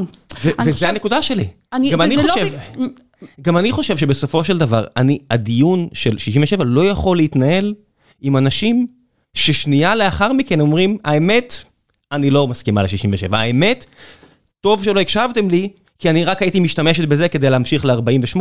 אבל זה לא מה ש... שוב, אנחנו כאילו באיזה ריפיט על משהו, אני לא מבינה, או שאני לא מבינה, ש... כן. לא יודעת, משהו פה אבל לא מסתדר. אני, אני לא אומר, לא עשיתי מניפולציה לרגע, אני לא חושבת שבעמדה לא שהייתי... במודע, לא במודע. לא, גם לא לא במודע. אי אפשר להיות בעמדה שבה הייתי ולעשות מניפולציה. תקשיב, אתה לא יכול להיות כש... באמת, כאילו, תחת אש בעוצמה שבה אנחנו חטפנו אותה, וזה היה באמת מכל הכיוונים וכל הזמן, ולהמשיך לעמוד עם העמדה הזאת ולעשות הצגה. זה לא הייתה הצגה. ואני אומר, לפחות במיטב כנותי, אני יכולה להגיד, לא, זו לא הייתה הצגה. לשעתה. לא, לא, ברגע שעשיתי את זה, ברור, מה זה לשתה? אין, בזמן היחיד שבו היא קרתה, זה לא היה הצגה. בסדר, אולי ב- בעולמות מקבילים, ביקומים מקבילים, לא יודעת, אבל לא, זה לא. זה היה מאוד מאוד מאוד אותנטי. אני חושבת שטווח התיאוריה הפוליטית שיש לי, אה, בתור מי שגדלה במה שקרוי השמאל הציוני, אה, אה, היא מאוד מאוד מוגבלת. היכולת שלי לחשוב על המרחב הזה היא מאוד מאוד מאוד מוגבלת. למה? למשל, זה שאני חושבת דרך הפרדה. שהרעיון של להפריד אה, בין, אה, אה, ערבים ליהודים? כן, כן, הוא ממש אה, נולדתי אליו. אה, ובמובן הזה הקו הירוק, מה שחזרת ואמרת, 67, הוא אה, סימפטום של הדבר הזה. הוא מייצג עד כמה פרדיגמת ההפרדה, פרדיגמה במובן של המשקפיים שדרכם אנחנו חושבים על העולם, עד כמה היא, היא, היא, היא נמצאת בתוכנו. קפיצה שנייה, רק לרגע לדרום אפריקה. אמ, חשבת, רגע לפני שקופצת לדרום אפריקה, חשבת להגיע ליוגוסלביה למשל, למקומות שבהם הפרדה יצרה מציאות הרבה יותר טובה? כי יש דוגמאות לכך שהפרדה יש מוחלטת, דוגמאות להכל. אבל אני רק אומר, אם רוצים להשלים את התמונה, יש כן. מדינות שבהן באמת מה שהקרואטים עשו ב-40 עד 45 זה זוועות שהאנושות לא יודעת כמוה. וההפרדה יצרה מציאות שבה אני יכול לטייל שם, ואנשים שמחים וטובים, ויש לי עובדים בצפון מקדוניה, ויש לנו חבר'ה שאני יכול לבקר אותם בסרביה וקוסובו, ואין מלחמה. וזה בזכות הפרדה. עכשיו אני אומר, אם רוצים לחשוב על, אה, וזה בדיוק מה שאני אומר, הדיון לא יכול להיות אנקדוטיאלי, הוא חייב להיות, בואו נראה כמה דוגמאות. הוא צריך להיות עקרוני. לא, אפשר אפשר אבל- גם אבל להמציא דוגמאות, זה אבל לא אני אומר, משנה. אבל עקרוני, הנה, זה- עקרוני זה בדיוק הסרבי שאומר, אין הפרדה. זה ולאדה דיבאץ' דורך על הדגל של קרואטיה, כי הוא אומר, אין הפרדה.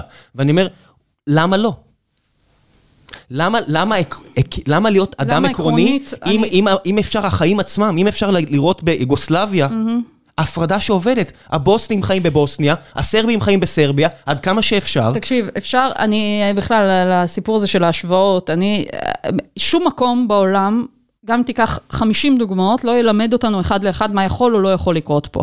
בעיניי, אין, אין אף פעם, זה לא, אין, אין שתי דוגמאות, אין שתי, שני מקומות שהם, שה, יותר מדי משתנים, יותר מדי היסטוריה שונה, זה לא, אז במובן הזה לא, אני לא אומרת דרום אפריקה, בואו תראו מה קרה שם, ואנחנו נעשה אותו דבר פה, לא רלוונטי בכלל. ו- ואפשר להסתכל על הרבה מאוד דוגמאות, ואפשר להסתכל... אני, כשאני מדברת על דרום אפריקה, ולא משנה, או על מקומות אחרים, כשאני מסתובבת והולכת למקומות אחרים, זה לא בשביל... זה בשביל לה- להצליח לחשוב מחדש על המקום הזה, לא בהכרח בשביל אה, אבל באיזה אופן? להדביק. זאת אומרת, אם אנחנו חושבים על הפרדה של אי אפשר לעשות הפרדה, אני אומר, בסוף המחשבה הרי צריך to crystallize it, לא חייב, אבל אני אומר, בסוף המחשבה הזאת הופכת למה? להבנה שאין פתרון? לא, להפך, להבנה ש... אוקיי. מה שרציתי להגיד על דרום אפריקה, שאני לא יודעת אם יצא לך לראות את אה, המפת, המפה של איך שנראתה דרום אפריקה בתקופת האפרטהייד, עם הבנטוסטנים. הם יצרו אה, עשר מדינות, אה, כאילו אה, אזורים, הומלנדס הם קראו לזה, אה, נפרדות, שהיו אמורות להתפתח לכדי מדינות אוטונומיות אה, בהמשך. אה, לפי מה שהם הגדירו השבטים, אה, חלוקה אתנית. עכשיו, אתה מסתכל על זה ואתה אומר, ברור שזה פיקציה. ברור שהם לקחו שטח של מדינה אחת וחילקו אותו בכל מיני אמצעים. עכשיו, ומצד שני, למה זה יותר או פחות מדרום אפריקה השלמה, או מדינה אחת? מכל מדינה אחרת או מכל בעולם. מדינה אחרת כל מדינה בעולם, אחרת בעולם יפה. חולקה בצורה שרירותית ומטופשת, כולל ברזיל שחילקה, שברזיל ו- ושאר דרום אמריקה שהתחלקו איך שהאפיפיור חילק, זה פורטוגזי, זה, זה פורטוגל, זה ספרד. יפה, אז, אז, ואז ברגע שאתה רואה את הדבר הזה, ואתה אומר, אוקיי, אה, ההבדל בין זה לבין אה, מה ש, שרואים על המפה הזאת בדרום אפריקה, זה שאתה, בגלל שאנחנו יודעים את סוף הסיפור, אנחנו גם יודעים את התחלת הסיפור, אנחנו מבינים שהאזורים... אנחנו לא יודעים בסוף הסיפור, אנחנו יודעים מה קורה עכשיו. לא, בסדר, אנחנו יודעים איך הסיפור התקדם אה, עד היום. אה, אתה רואה שהשרטוט הזה על המפה של הבונטוסטנים, הם באמת, אין להם, זה, זה קווים שאין להם, הם עם אפס משמעות. שרירותיים. אפס, לא, גם אז, גם היום אין... שרירותי, אין, שרירותי זה שרירותי תמיד. בדיוק, אפס משמעות. עכשיו אני הסתכלתי על זה, אני חוזרת לפה, ואני אומרת לך, קרה לי משהו, באמת, אני לא רואה יותר את הקו הירוק. אה, לא מצליחה יותר לראות אותו. עכשיו, זה לא שאני, אני לא מפגרת, אני יודעת שהוא קיים ב, בראש של הרבה מאוד אנשים. אני גם... אה, פחות אה, ופחות לצערי. אוקיי. אה, אני גם אה, במשך רוב החיים שלי וגם הפעילות הפוליטית שלי, הייתי מאוד אה, מין אדבוקט של הקו הירוק. לא, נכון? איזה עוד קווים את לא רואה? את רואה גבול בינינו לבין ירדן? את רואה גבול כן. בינינו לבין סוריה? כן. את רואה גבול בין עזה למצרים? כן, למה? שאלה טובה. למה נגיד שאומרים שעזה חסומה? כן. אני אומר, אבל יש לה גבול עם מצרים, הגבול הזה אמיתי, הוא פיקטיבי. זאת אומרת, אני אומר, מצרים כן. מדינה ענקית, ענקית, ענקית, ענקית, אמנם כל האוכלוסייה חיה בשטח של בלגיה, אבל יש גבול עם מצרים. מה ההבדל בין המצרים לעזתים? אני אגיד לך, אה, זה, זה משהו שצריך לחשוב עליו, אתה צודק במובן הזה שכל גבול באשר הוא פיקטיבי, אבל שוב, אבל כמו שאני רואה הבדל בין אה, הגבולות החיצוניים של דרום אפריקה לגבולות הפנימיים של אה, הבונטוסטנים, אז יש הבדל בין אה, הגבול שלנו עם סוריה לגבול עם, ל- לגבול, זה לא גבול. עזה ומצרים, לקו, בבקשה. לקו הירוק. אה, שנייה, אני חושבת על זה. שאלת כן, מאה אחוז, שאלה, אני- מאה אחוז, מאה אחוז, מאה אחוז, מצטער. אני חושבת שזה קשור ל, אה, למשטר. שזה קשור ל... משטר איפה? בין עזה או במצרים? לא, לא, ל, כי ישראל לא צד פה בדבר. למשטר הישראלי, ל, לשליטה. בין הים לירדן, כולל הגדה המערבית ועזה, אה, אה, נמצאים תחת שליטה ישראלית. גם עזה? עזה בצורה אחרת, אבל... אה, מצור ימי, אמיתי. אי אפשר לברוח מזה, מצור ימי, והגבול שלנו סגור איתם. ויותר מזה. אה, יש לנו אה, ראש ממשלה בנט, מכיר אותו? האמת שפגשתי. הוא, עד כמה שאני זוכרת, אני זוכרת לפחות פעמיים, יכול להיות שהיה יותר, כל פעם שיש, שזוכרת פעמיים בזמן מבצעים בעזה, מה הייתה העמדה שלו? גם את היית ציונית אז.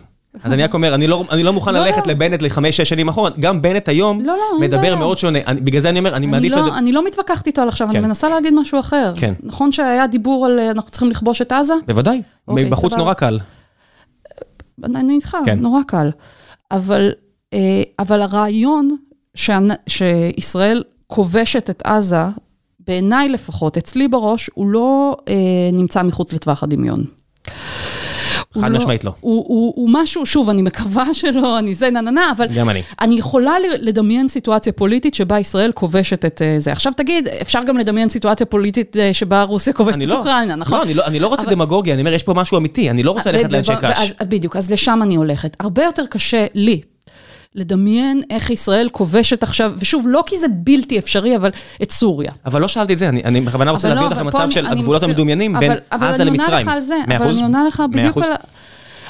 למה, למה אני אומרת שעזה היא חלק מה, מהמרחב שנמצא תחת שליטה של המשטר הישראלי, בסדר? ב, ב, קודם כל בגלל הדבר התודעתי. האיום, האיום של הכיבוש. הדבר, כן, הדבר התודעתי הזה שנמצא אצלך ואצלי בראש. והפוך, האם אני, אם את יכולה לדמיין סיטואציה שבה, לא יודע, 2013, 2014, חבר'ה מהיחידה עולים על אה, סירה נורא גדולה, קרין A, כמות נשק שלא תאמן. האם את יכולה לדמיין את הסיטואציה שבה כמות אש שלא תאמן נופלת על באר שבע, שדרות ואשקלון? רק דמיון. אמרנו, הרי... את- ברור שאני יכולה, מה זאת אומרת? אז עצם הדמיון אמור להוביל אותנו להחלטות מסוימות? תסתכלי, לי, הדמ- אמרת ככה, אני רק מבסס את הלוגיקה, אמרת, עצם האפשרות שישראל תכבוש את עזה, כן. יוצרת מציאות. אני אומר, האם עצם האפשרות שעזה, בהינתן אה, נשק, תשליך אותו מיד על הראש שלי, אמורה להכריע משהו אצלי? אני חושבת שכן. אוקיי, אז בהינתן זה, אני אומר, אז ביססנו את זה, עכשיו אני אומר הלאה. בבקשה, לשאלה של גבולות מדומיינים או לא. ברשותך, אם את לא רוצה, את לא חייבת, אבל יש גבול בין עזה למצרים. למה הוא שם? מה זאת אומרת, למה הוא שם? הוא אמיתי, זה גבול אמיתי, את מסתכלת עליו ואת אומרת, זה גבול, אני, כמו שאמרת, אני רואה את 67 ואני לא רואה יותר גבולות. אני, את אני אמרת לא, את זה. אני, אמר, לא, בוא נדייק, אמרתי את הקו הירוק, אני לא רואה יותר. מאה אחוז, לזה- לא, מאה אחוז, לזה לא, התכוונתי סבבה, בדיוק, בסדר, 67. זה- אז אני אומר, עזה למצרים. זאת אומרת, לאורך כל השנים, זה אותו דבר. כן, זה אותו דבר. אני אומר, למה, למה עכשיו זה שני דברים שונים?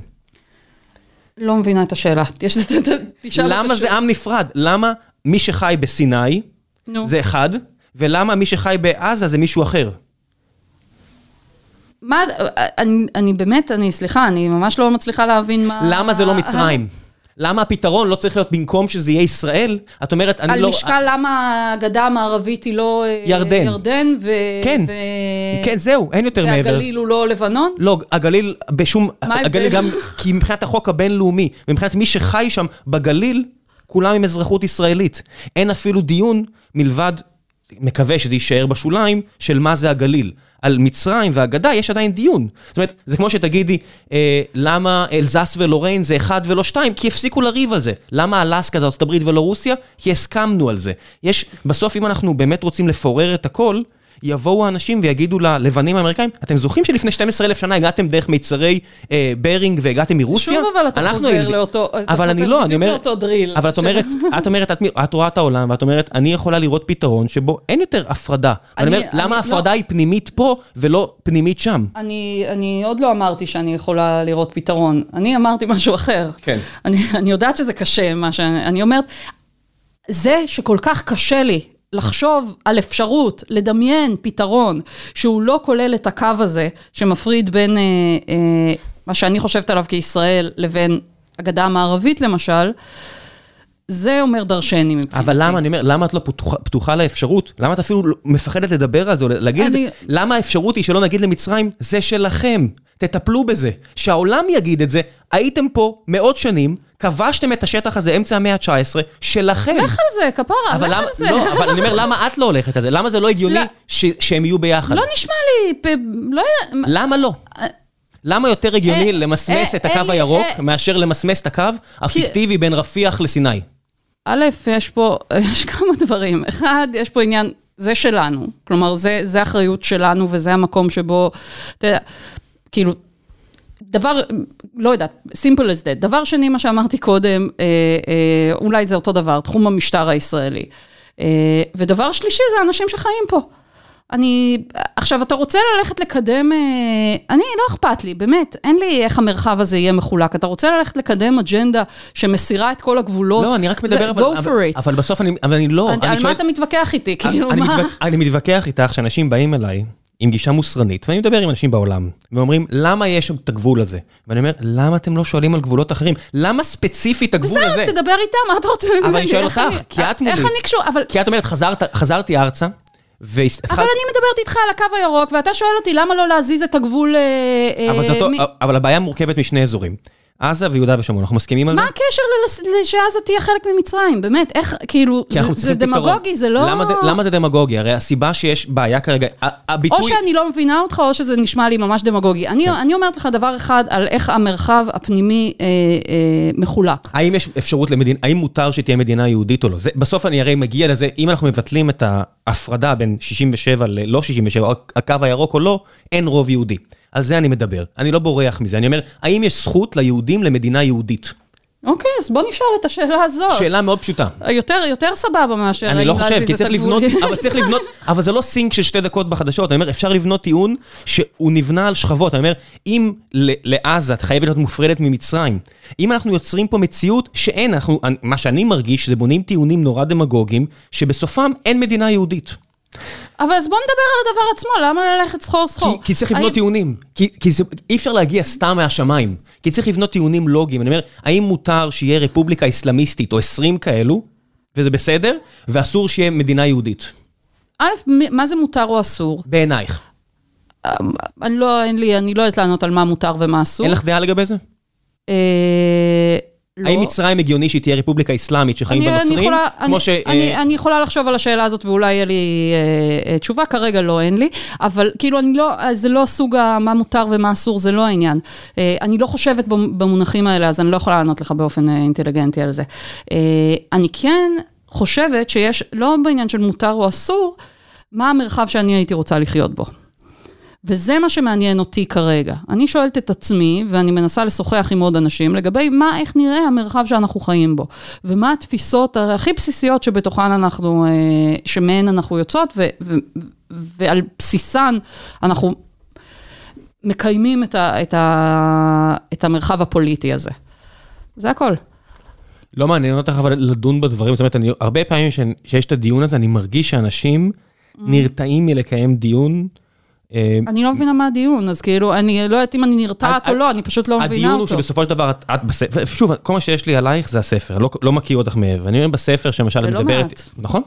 ואני רואה בספר שאת למשל אה, מדברת עם אה, אה, חברה אה, אירית, והיא אומרת, אתם עושים ככה, ואתם עושים ככה. ואתם עושים ככה.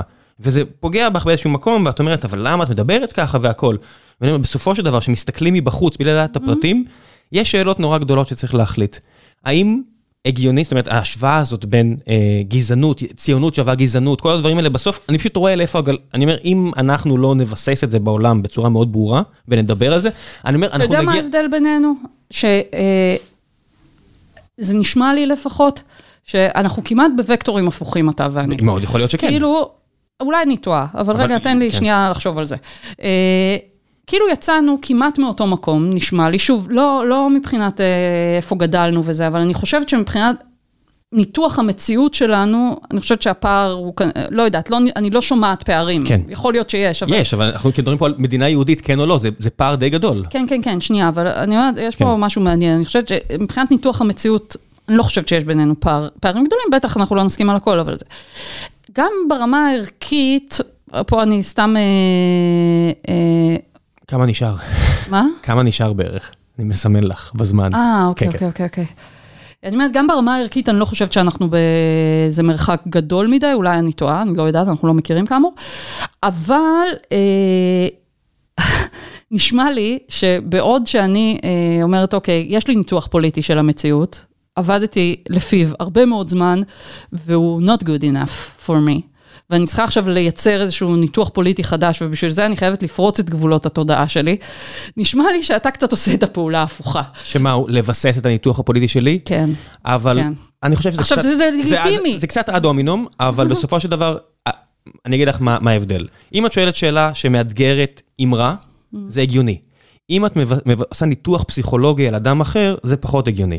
בעיניי לפחות. אני אומר לך, בסט כן. ערכים שלי, מה מה מותר מבחינתי בשיח מה הגיוני? שעשיתי? כן, זה מה שעשית, כי אמרת, לא, לא, לא אמרת, הנה, תסתכל, אמרת משהו, אני רוצה להגיד משהו נגד הדבר הזה, או להציע טיעון נגד, אלא כבר אני הלכת לפרשנות האישית שלי. אה. זה כמו שאני הייתי אומר לך, היי, בגלל שסבא וסבתא שלך, או בגלל שאימא ואבא שלך, או בגלל הנטייה המינית שלך, את מרגישה צורך לעשות ככה וככה. ואני אומר, זה אסור מבחינת- בשיח לגיטימי. שיח לגיטימי מבחינתי, זה לא לדבר על הבן אדם, אלא לדבר על הרעיונות, וזה מאוד חסר לי. והנה, והנה, ממי, הנה בדיוק ההבדל בינינו. אני חושבת שאנחנו ממש צריכים לדבר על, על, למה? על אבל אבנות אני אדם. ואת לא נהיה כאן עוד כמה שנים. הילד שלי כן, ואז הילד שלו כן, ואני רוצה לדבר על רעיונות, כי אני כי חושבת- בסוף בני אדם עוברים הלאה. רעיונות ו- ומדינות שאנחנו בונים ומבנים שאנחנו בונים, בסוף גם משפרים את האנושות. המדינה הזאת היא בסוף, אין פה כבר אנשים שמתים ממלריה. יש פה אנשים שחיים ברווחה כי נבנה משהו, זה אמיתי. יש איזה ערכים. אם אני רק מסתכל ברמת המיקרו על הרגשות של עזרא נאווי ועל כל מיני דברים כאלה, אני לא יכול לבנות כלום, כי אני צריך בסוף, הרי בסוף אה, עושים שת, אה, החלטות שרירותיות כמו גבולות. ואז מתחילים לבנות. כן, כן, אתה לא יכול להסתכל רק ברמת אני לא יכול רק, אבל אני אומר, בסופו של דבר, אני גם לא יכול רק, ש... אני לא יכול בלי בכלל. נכון. אתה לא יכול להסתכל רק ברמת, קראת לזה מיקרו, לא משנה, האישי. הפסיכו ולא סוציו. הסנטימנטים, בדיוק. אבל, וזה אולי הדבר, הטענה הכי חזקה שלי בספר, החזקה מבחינתי, או המאבק הכי גדול שלי, זה שאי אפשר גם לעשות פוליטיקה בלי זה.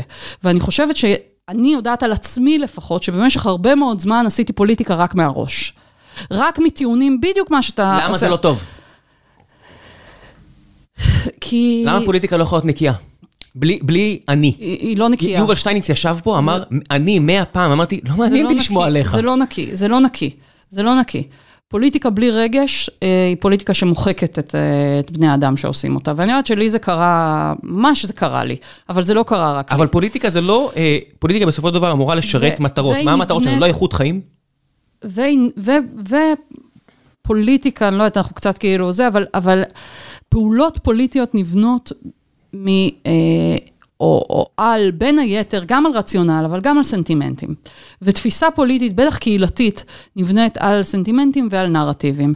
ודברים כמו פחד, למשל, הם משהו שמחזיקים מאוד מאוד מאוד חזק מבנים פוליטיים. אה, פחד, שכתב בדרום אפריקה, כמו שאנחנו מכירים מישראל, בוודאי. נכון, ואת הדבר הזה, כל מה שאני מנסה לעשות כרגע, אה, זה לנסות לחשוף, לחשוף במובן אה, לא, לא רע, במובן חיובי, לפזר קצת מהמישמה שנהיה מתוך הדבר הזה, וכן, לתת מקום להגיד, אוקיי, בנינו איזשהו טיעון פוליטי, אבל אם הפחד הוא כל כך משמעותי בתוכו, זה לא אומר שהוא לא נכון, זה לא אומר שהוא לא קיים, בואו נסתכל על זה ונשאל את עצמנו האם עד כמה אנחנו רוצות שהוא ישפיע עלינו באופנים האלה. יש אפשרות אחרת? את יכולה להגיד, אני אז אני, מנסה. אני פשוט אסתכל, אני אגיד, אז אני לא מפחדת ומה שיהיה יהיה. לא, להפך, להכיר בו, להכיר בו, בדיוק ההפך ממה שאני עשיתי. אני אומר, אה, נניח ו... אה, 2002, התקופה שמעצבת אה, אותי גם כבן אדם והכל, חודש אחד מתים פה 130 ישראלים כן. מפיגועים, כן. ואנחנו יוצאים למלחמה. אפשר לקרוא לזה מבצע, כמו שפוטין עושה אוקיי. לפי מה זה, אנחנו יוצאים למלחמה בשטחים, אה, בשטחי יהודה וש- ושומרון, ב- מעבר לגבולות 77, יוצאים למלחמה. מלחמה שחבר'ה לקחו אותה מאוד קשה, וזה מה שאתם עושים, אתם מכירים עדויות גם בין השאר. והמלחמה שוברים הזו... שתיקה עושים, אני כבר לא שם, אבל אה, כן. בסדר, מבחינתי היית שם מספיק, אני-. לוקח בעלות גם אחורה דברים על דברים. כי אני גם בטוח שאת, כי את עשית עבודה חשובה ומשמעותית, ואני אומר, יוצאים ממלחמה, ולי לפחות, כלוחם, ההבנה מאוד ברורה על מה אני עושה פה אופטימיזציה. אני לא רוצה אוטובוסים מתפוצצים, אני לא מוכן לקבל את המציאות הזו, ואני אומר, כמו שבשורים שתיקה, יצאת למלחמה, אני לא מוכנה לקבל שליטה של עם אחר, ואת כל הדברים האלה. את גם כותבת, העדויות הן בדיוק בשביל זה. נכון, אנחנו לא עושים את זה כדי להשחיר את צה"ל, אלא כדי לעצור את הכיבוש. כן. אני אומר, זה, זה פרקטי, זה, זה בסוף, הפחד, בסופו של דבר, אם אני אתעסק בו, בזה שאנשים מפחדים לעלות על אוטובוס, זה יכול להיות אחלה מניע, אבל מניע לפעולות. כן. אבל בסוף צריך, אנחנו צריכים, כדי, לה, כדי שדברים באמת יקרו, והם יקרו בצורה לא כאוטית ולא אקראית, ולא יהיה מה שקורה בדרום אפריקה. אני אומר, אני אגיד לך מה חסר לי בדרום אפריקה, למשל, כשאני מסתכל על הדבר הזה, אני אומר, הם פשוט נעים במומנטומים, יש מומנטומים שנוצרים, כן, ואני כן. אומר, זה הולך למקום רע. אני מסתכל על זה ואני אומר, זה הולך זה כבר רע, זה כבר לא, רע. אני אומר, זה הולך לרע יותר. אני אומר, כן, מי שיכול כן, בורח, והוא בורח למדינה אחרת ומצקצק מלשונו כן. אה, במקום אחר, לא, דרום לא... אפריקה על הפנים. אני לרגע לא... It's done. לא- לרגע אני לא מציבה את הדוגמה של אה, דרום אפריקה כמודל לאיך איך אה, צריך להיראות מרחב פוליטי, דרום אפריקה של היום, כי באמת, כי היא במצב על הפנים, זו המדינה אולי עם האי שוויון הכי גדול בעולם, רמות אלימות מטורפות. הכי גבוהות בעולם גם כן, כן? כן, כן, כן, משהו ממש קיצוני, אי אפשר לחיות שם. אבל, אבל, רגע, רגע, רגע. כן. אבל אין קשר בין זה, בין לראות נכוחה את המציאות היום בדרום אפריקה, לבין, לנתח מה אפשר לעם האפריקנרי להחזיק משטר אפרטהייד במשך כן, כי 50 הוא שנה. פחד, כי את כותבת, העם פחד, שאם הם יס- יסירו, יורידו את הגבולות, מה שיגיע זה מציאות שבה לא, אנשים לא יצטרכו- מה שיש היום. הם לא פחדו ממה שיש היום. פחדו שיזרקו אותם לים. בדיוק. נכון. בפועל. מה שקורה זה כדי שלא ישחטו אותם בבית שלהם, את מתארת, ולא הכרתי אבל את זה. זה לא התוצאה. הם אבל- חיים אבל בכלוב. נכון, אבל זאת לא תוצאה של סיום האפרטהייד. זה מה שצריך להבין. זה לא הנגזרת המיידית של, אוקיי, סיימו את האפרטהייד בדרום אפריקה, נתנו את כן, האפרטהייד הפוליטי.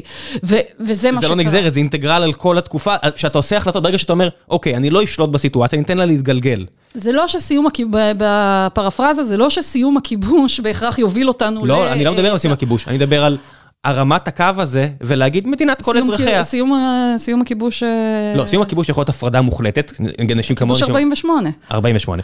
אז אני חושב שנורא קל לאנשים שאין להם שורשים נטועים כאן ומוכנים לטייל בעולם, להגיד לסיום 48, כי במקרה הכי גרוע, לי אין שורשים נטועים? לא, לא, לא, אני לא אמרתי עלייך. אז אני לא לא. עושה אדומינום עלייך. לא, לא, אני אז- אומר, אז- יש טיעון של הרבה אנשים כן. שלא חיים כאן, אומרים, תחזרו, לגבולות... אין לי לאן לחזור. אני לא מדבר עלייך, אבל אני אומר נו. באופן כללי, העניין הזה של תורידו את, תחזרו ל-48, שיהיה צדק, תביאו פליטים ונראה אז מה קורה.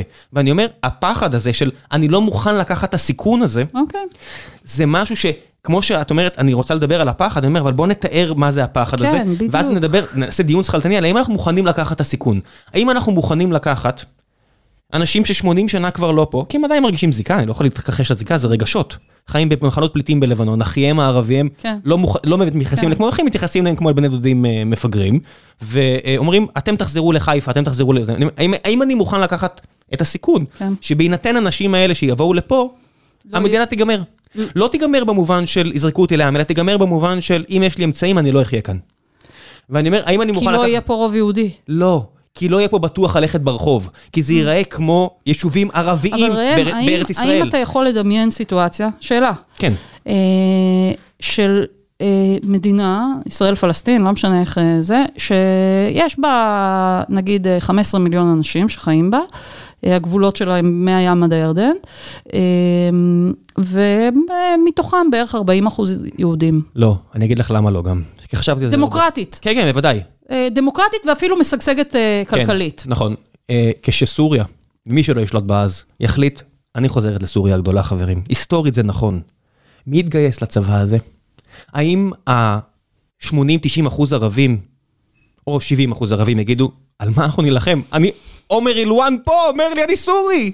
אני סורי! ואז הוא אומר, אני אומר, למה הגבולות יעצרו ב-48 בדיוק? אם אנשים, אין, אין ביניהם כערבים הבדל בין הגבול בסוריה לגבול בישראל, זו אותה מדינה. אני אומר, מי יגן עליי בסיטואציה? מי, מי ימנע מסוריה להפוך, לחזור להיות מה שהיא היסטורית הייתה? אני אומר, ברגע שאנחנו מרימים את הידיים ואומרים חוזרים ל-48, כל מה שאני מנסה לא, להגיד אני לא לכם, יודעת אם חוזרים, אבל לא משנה. אבל, אני אומר, אבל, אבל פתרון- חושבים על ישראל כמרחב אחד דמוקרטי. אחלה, כן, מרחב אחד דמוקרטי, 48, אני אומר, אין, זה לא נעצר שם. אנחנו חוזרים ל-1840, לסוריה הגדולה, שהם נכבשים פה. ומה, אני אומר, תסתכלי, הם אומרים את זה אפילו, הם לא מסתירים את זה. אזרחים ישראלים אומרים, הכיבוש הוא לא זה, הכיבוש פה הוא סייקס פיקו. הוא, אני אומר, את מה שאת מתארת לי פה, זה מדינה שאני לא יכול לחיות בה. אני לא רוצה לחיות במדינה שאני רואה מה קורה בסוריה. אני, אני רואה מצרים, זה מקומות נוראים ש-90% מהאנשים עברו כריתת דגדגן. זה מצרים. אני לא רוצה לחיות במקום הזה. אני בז להם. אני לא יכול להסתיר את זה שזה מקומות פרימיטיביים ונוראים. סוריה שוחטים אחד את השני, ואני אומר, בהינתן 48, אין פה צבא. הערבים כרגע לא משרתים בצבא. כשאנחנו נלחמים נגד סוריה ולבנון, הרי אני בשירות שלי לא הייתי הרבה בשטחים, הייתי שם. אני אומר, אני נלחם נגד החיזבאללה ונגד כוחות אסד בדברים שאי אפשר לכתוב עליהם, לא גיבור גדול, אחד, שתיים דברים שעשינו, אבל הצ... האיומים עלינו, איראן, מי ילחם באיראן? אז אולי גם איראן, את יודעת, נהיה שטח אחד, אחד גדול של כל העולם הערבי, ואני אומר, תסתכלי מה קורה. זה, את מתארת לי סיטואציה שבה אין לי גם מדינה לחזור אליה, אז לאיפה אני אגר? אין לי אזרחות אחרת. את בעצם אומרת לי, סיימת, ידידי, בשם איזשהו עיקרון של צדק, שאני לא מוכנה אפילו להמשיך את התהליך המחשבתי, את אומרת לי, תחשוב על 48. לא, כי זה לא בשם... אני אומר, אבל תקשיבי לאנשים שחיים פה. תקשיבי לאנשים שחיים פה, איך הם אומרים. אני אומר להם, אתה חי בגבולות 48, אני אומר, אני רוצה סוריה הגדולה. הם אומרים את זה, זה לא סוד. אני לא מאשים, אני אומר, אני מביא אורחים והם אומרים לי את זה, הם אומרים, ברור, אין הבדל בינינו לבינם. אני אומר, אז למה שזה ייצר בגבולות האלה? בגלל זה גם שאלתי אותך, על אין הבדל בין עזה לרפיח. בין רפיח לסיני, אני אומר, צריך גבולות שרירותיים כדי לפתח אתוס, כדי לפתח מדינה בשביל האשליה, שאני נלחם עבור משהו שהוא אמיתי, כן. עבורי, כדי שיהיה לי סיבה בגיל 18, שיראו עליי, שאני אאבד אצבעות. זה אמיתי. אני צריך משהו שיספרו לי, ואם אני אומר, המדינה היא בהכרח ערבית, והיא רוצה להצטרף לערבים, אני אומר, על מה אנחנו נלחמים פה? על מה? אה, נשמע לי שיש הרבה פחד בדברים אה, שאתה... לא, וזה בסדר. כי הם אומרים לי את זה, הם לא מסתירים את זה, זה לא אחד בפה, אחד בלב, כן, הם אומרים כן, לי את זה. כן, כן. יש אה, דבר אחד, וזה לא עניין של צדק, כלומר, יש הרבה היבטים אתיים, אבל דווקא לא זה מה שאני מנסה להצביע עליו. יש משהו אחד שקצת מפריע ל... כן. זה שאנחנו חיים במזרח התיכון. נכון. אמ, ואנחנו חלק ממנו, למרות שהרבה פעמים קשה... גיאוגרפית. אה, קשה לחשוב על זה ככה, אני חושבת שיותר מגיאוגרפית. אמ, רוב האנשים שחיים במרחב הזה איתנו, אה, זה גם המוצא שלהם, זה ה... כן, אה, הבן שלי חצי עיראקי.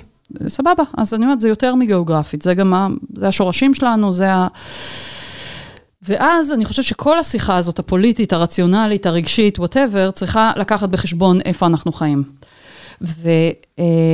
למה? שם, זה, ו... זה אקסיומה, קבעת פה אקסיומה, אבל אני אומר, למה? לא, לא קבעתי אקסיומה, אני אומרת רגע את דעתי, יכול להיות שהיא לא נכונה. כן, הבנתי. אבל, אבל כן, כן. משתפת אותך במחשבות שלי. מאה אחוז. שמאחר שאנחנו חיות פה, אני הייתי רוצה להצליח לחשוב על עצמי כחלק מהמרחב הזה. למה? כי נראה לי ברמה הכי פשוטה, אתה, אתה חי במקום אני, לפחות חיה במקום, אני רוצה להיות חלק ממנו.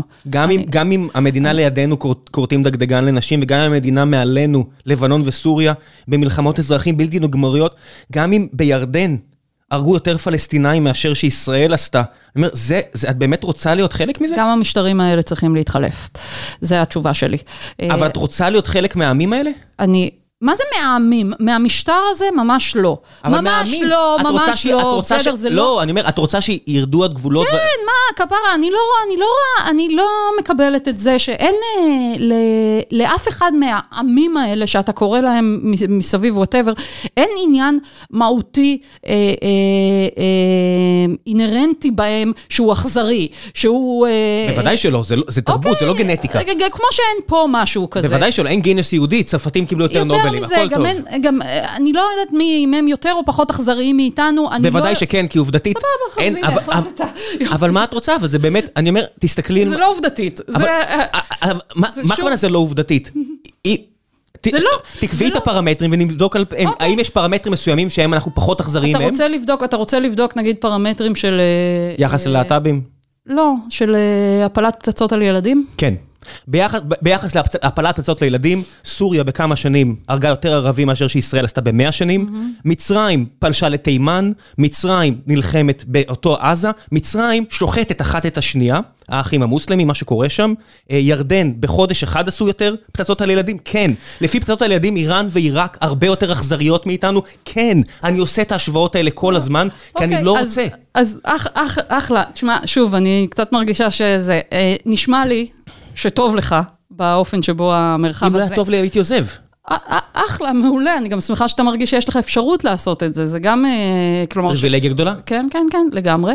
אמ, ובסדר, שוב, אני לא, האופן שבו אני מסתכלת על המקום הזה הוא, אני אומרת, באיזה מדינה הייתי רוצה לחיות? גם ברמה הערכית, אבל גם ברמה הכי אה, אה, פרקטית. כאילו, באיזה סוג של מרחב הייתי רוצה לחיות? שמה הערכים שמובילים אותו? אה, וזה, במובן הזה, אתה יכול להגיד, הנה, מצאנו את השיטה הכי טובה אה, להפעיל את ה... להפעיל את ה... הכי פחות רע. הכי פחות רע, סבבה. אה, not good enough בשבילי. אני רק אומר, תסתכלי כמה קשה לשנות את הטמבלים, שבגלל שאת אומרת מילים מאיימים עלייך בפיזית, מאיימים עלייך פיזית, ואת אומרת, הם לא טמבלים, אבל... אני, הם כן טמבלים. מי שמאיים, בפי, מי שמאיים באלימות נגד בן אדם שמדבר משהו, מי שמאיים להסגיר אדם... לא יודעת, מה, ש- אתה עכשיו מדבר איתי, ואתה נותן פה, אה, נתת עכשיו אה, נאום ארוך על כמה המקום הזה, הדרך היחידה שלנו לחיות פה, זה לשמור על עצמנו אה, נפרדים מכל כן. מה שקורה פה מסביב. לא אלימות. הפרדה זה לא אלימות. אז איך אתה עושה את זה עם צמר גפן, אתה שומר על לא, ההפרדה אלימות זה אומר, הזאת? אם אתה לא תעשה מה ש... אלימות זה אומר, אתה שם, אני פה. אין, אני לא פוגע באף אחד, אני לא אתקוף. אוקראינה לא תקפה את רוסיה. רוסיה תקפה את אוקראינה, יש אמת. האפשרות להגיד הפרדה היא לא אלימות, היא אפשרות שיש רק, רק, רק, רק, רק למי שנמצא למעלה ב- מה זה למעלה? יחסי- במערכת יחסי הכוח. מה זה למי ש- למעלה ביחס לישראל ולבנון וסוריה וירדן ומצרים? למה ישראל היא למעלה? זאת אומרת, אני לא רוצה להיכנס לשם. אני אומר, לכם אסור להיכנס, אני גם אסור להיכנס אליכם. למה אני לא, הלמעלה אני ולא הם? מדברת על הפלסטינים. אבל גם אני מסכים איתך בפלסטינים, אני אומר, הבעיה שלי, וגם אמרתי לך את זה בצורה רציונלית הרי, אני אומר, ואפשר לא להתייחס ראיתי כמה שזה הקשה עלייך, אני אומר? בסופו של דבר, שיהיה 48, וסוריה תתקוף. כמו מה הקשה. עליי? לא הבנתי, לא לא הרגשתי שמשהו פה הקשה אז עליי. בוא תעני לי לשאלה הזאת ונסיים אולי עם זה, אני אשמח. אם יש מדינה אחת שאלה ב-48, רלוונטית. אז מעולה, אז וסוריה תוקפת כמו שהיא תקפה ב-48. אם יש מדינה, שנייה, תעשה את זה רגע לאט, גבולות סליחה. 48, לא גבולות 48, פלוס 67 אתה מתכוון, מה- מהים עד הירדן. איזה, איזה שאת לא רוצה. משנה, אני רק להבין על מה אנחנו כן. מדברים, אוקיי. ו- וסוריה, לבנון, חילות מעיראק, כן. מצרים, תוקפים, כדי להפוך למדינה ערבית אחת כמו שנאמר שהם רוצים. כן, מי יגן על המדינה? הצבא הישראלי. שמורכב ממי? יהודים וערבים ביחד? אני מניחה, בתסריט העתידי שכרגע מרגיש דמיוני הזה, שיש פה מדינה אחת, דמוקרטית, שיש איזשהו לאום, לא יודעת מה, הוא חושבת ש- ישראלי-פלסטיני, אם תוקפים, ב- ב- אז אבל, אבל, למה, אבל למה לא לתת להם? אני אומר, כאילו זה, זה ספקולטיבי לחלוטין. אבל זה לא ספקולטיבי, זה משהו שקרה פה והם אומרים שהם רוצים. אני אומר, אם הסורים והלבנונים אומרים שזה צריך להיות ישות אחת, למה את עושה את ההפרדה הזו בין סוריה? אם, הרי באיזה זכות את אומרת לערבים ישראלים, אתם תהיו פה מגדה לגדה ארץ ישראל, שהם אומרים לך, לא, אנחנו ארץ ישראל, אנחנו סוריה הגדולה. בסדר, הרבה אנשים אומרים, שוב, אני לא מחליטה כמו שאתה לא מחליט, והרבה אנשים, אנשים ומדינות, ו, ויגידו כל מיני דברים ויחשבו כל מיני דברים, וצריך לקחת את כל הדברים האלה בחשבון כשמתכננים אה, אה, אה, פרוגרמה פוליטית, לגמרי. אבל, אה, אז מה? אז מה שיש עמדות אחרות מסביב? אז מה, אז האם זה מכתיב לנו מראש את יכולת הדמיון הפוליטי שלנו ביחס למרחב הזה? פה הנקודה שאני אומרת, לא, אני לא מוכנה, כי אני די... בטוחה שיש דרך אחרת לחשוב על זה, וזה בדיוק השאלה ששאלת עכשיו. האם אני יכולה לדמיין מדינה אה, אה, יהודית פלסטינית, לא משנה איך יקראו לה, בסדר? Mm-hmm. שנמצאת פה, ושיש לה גם, אה, ושהיא מדינה, מדינה מתפקדת, דמוקרטית, ליברלית, שיש לה צבא, שאם תוקפים אותה, אז הצבא הזה, לא משנה מה האתניות של האנשים שנמצאים שם, יגן עליה. אה, אני חושבת שאני יכולה, זה קשה לי, אבל אני חושבת שאני יכולה. דיברת עם ערבים לגבי העניין של סוריה הגדולה? יצא לך פעם לדבר עם ערבים ופשוט לשאול אותם, לא. מי אתם?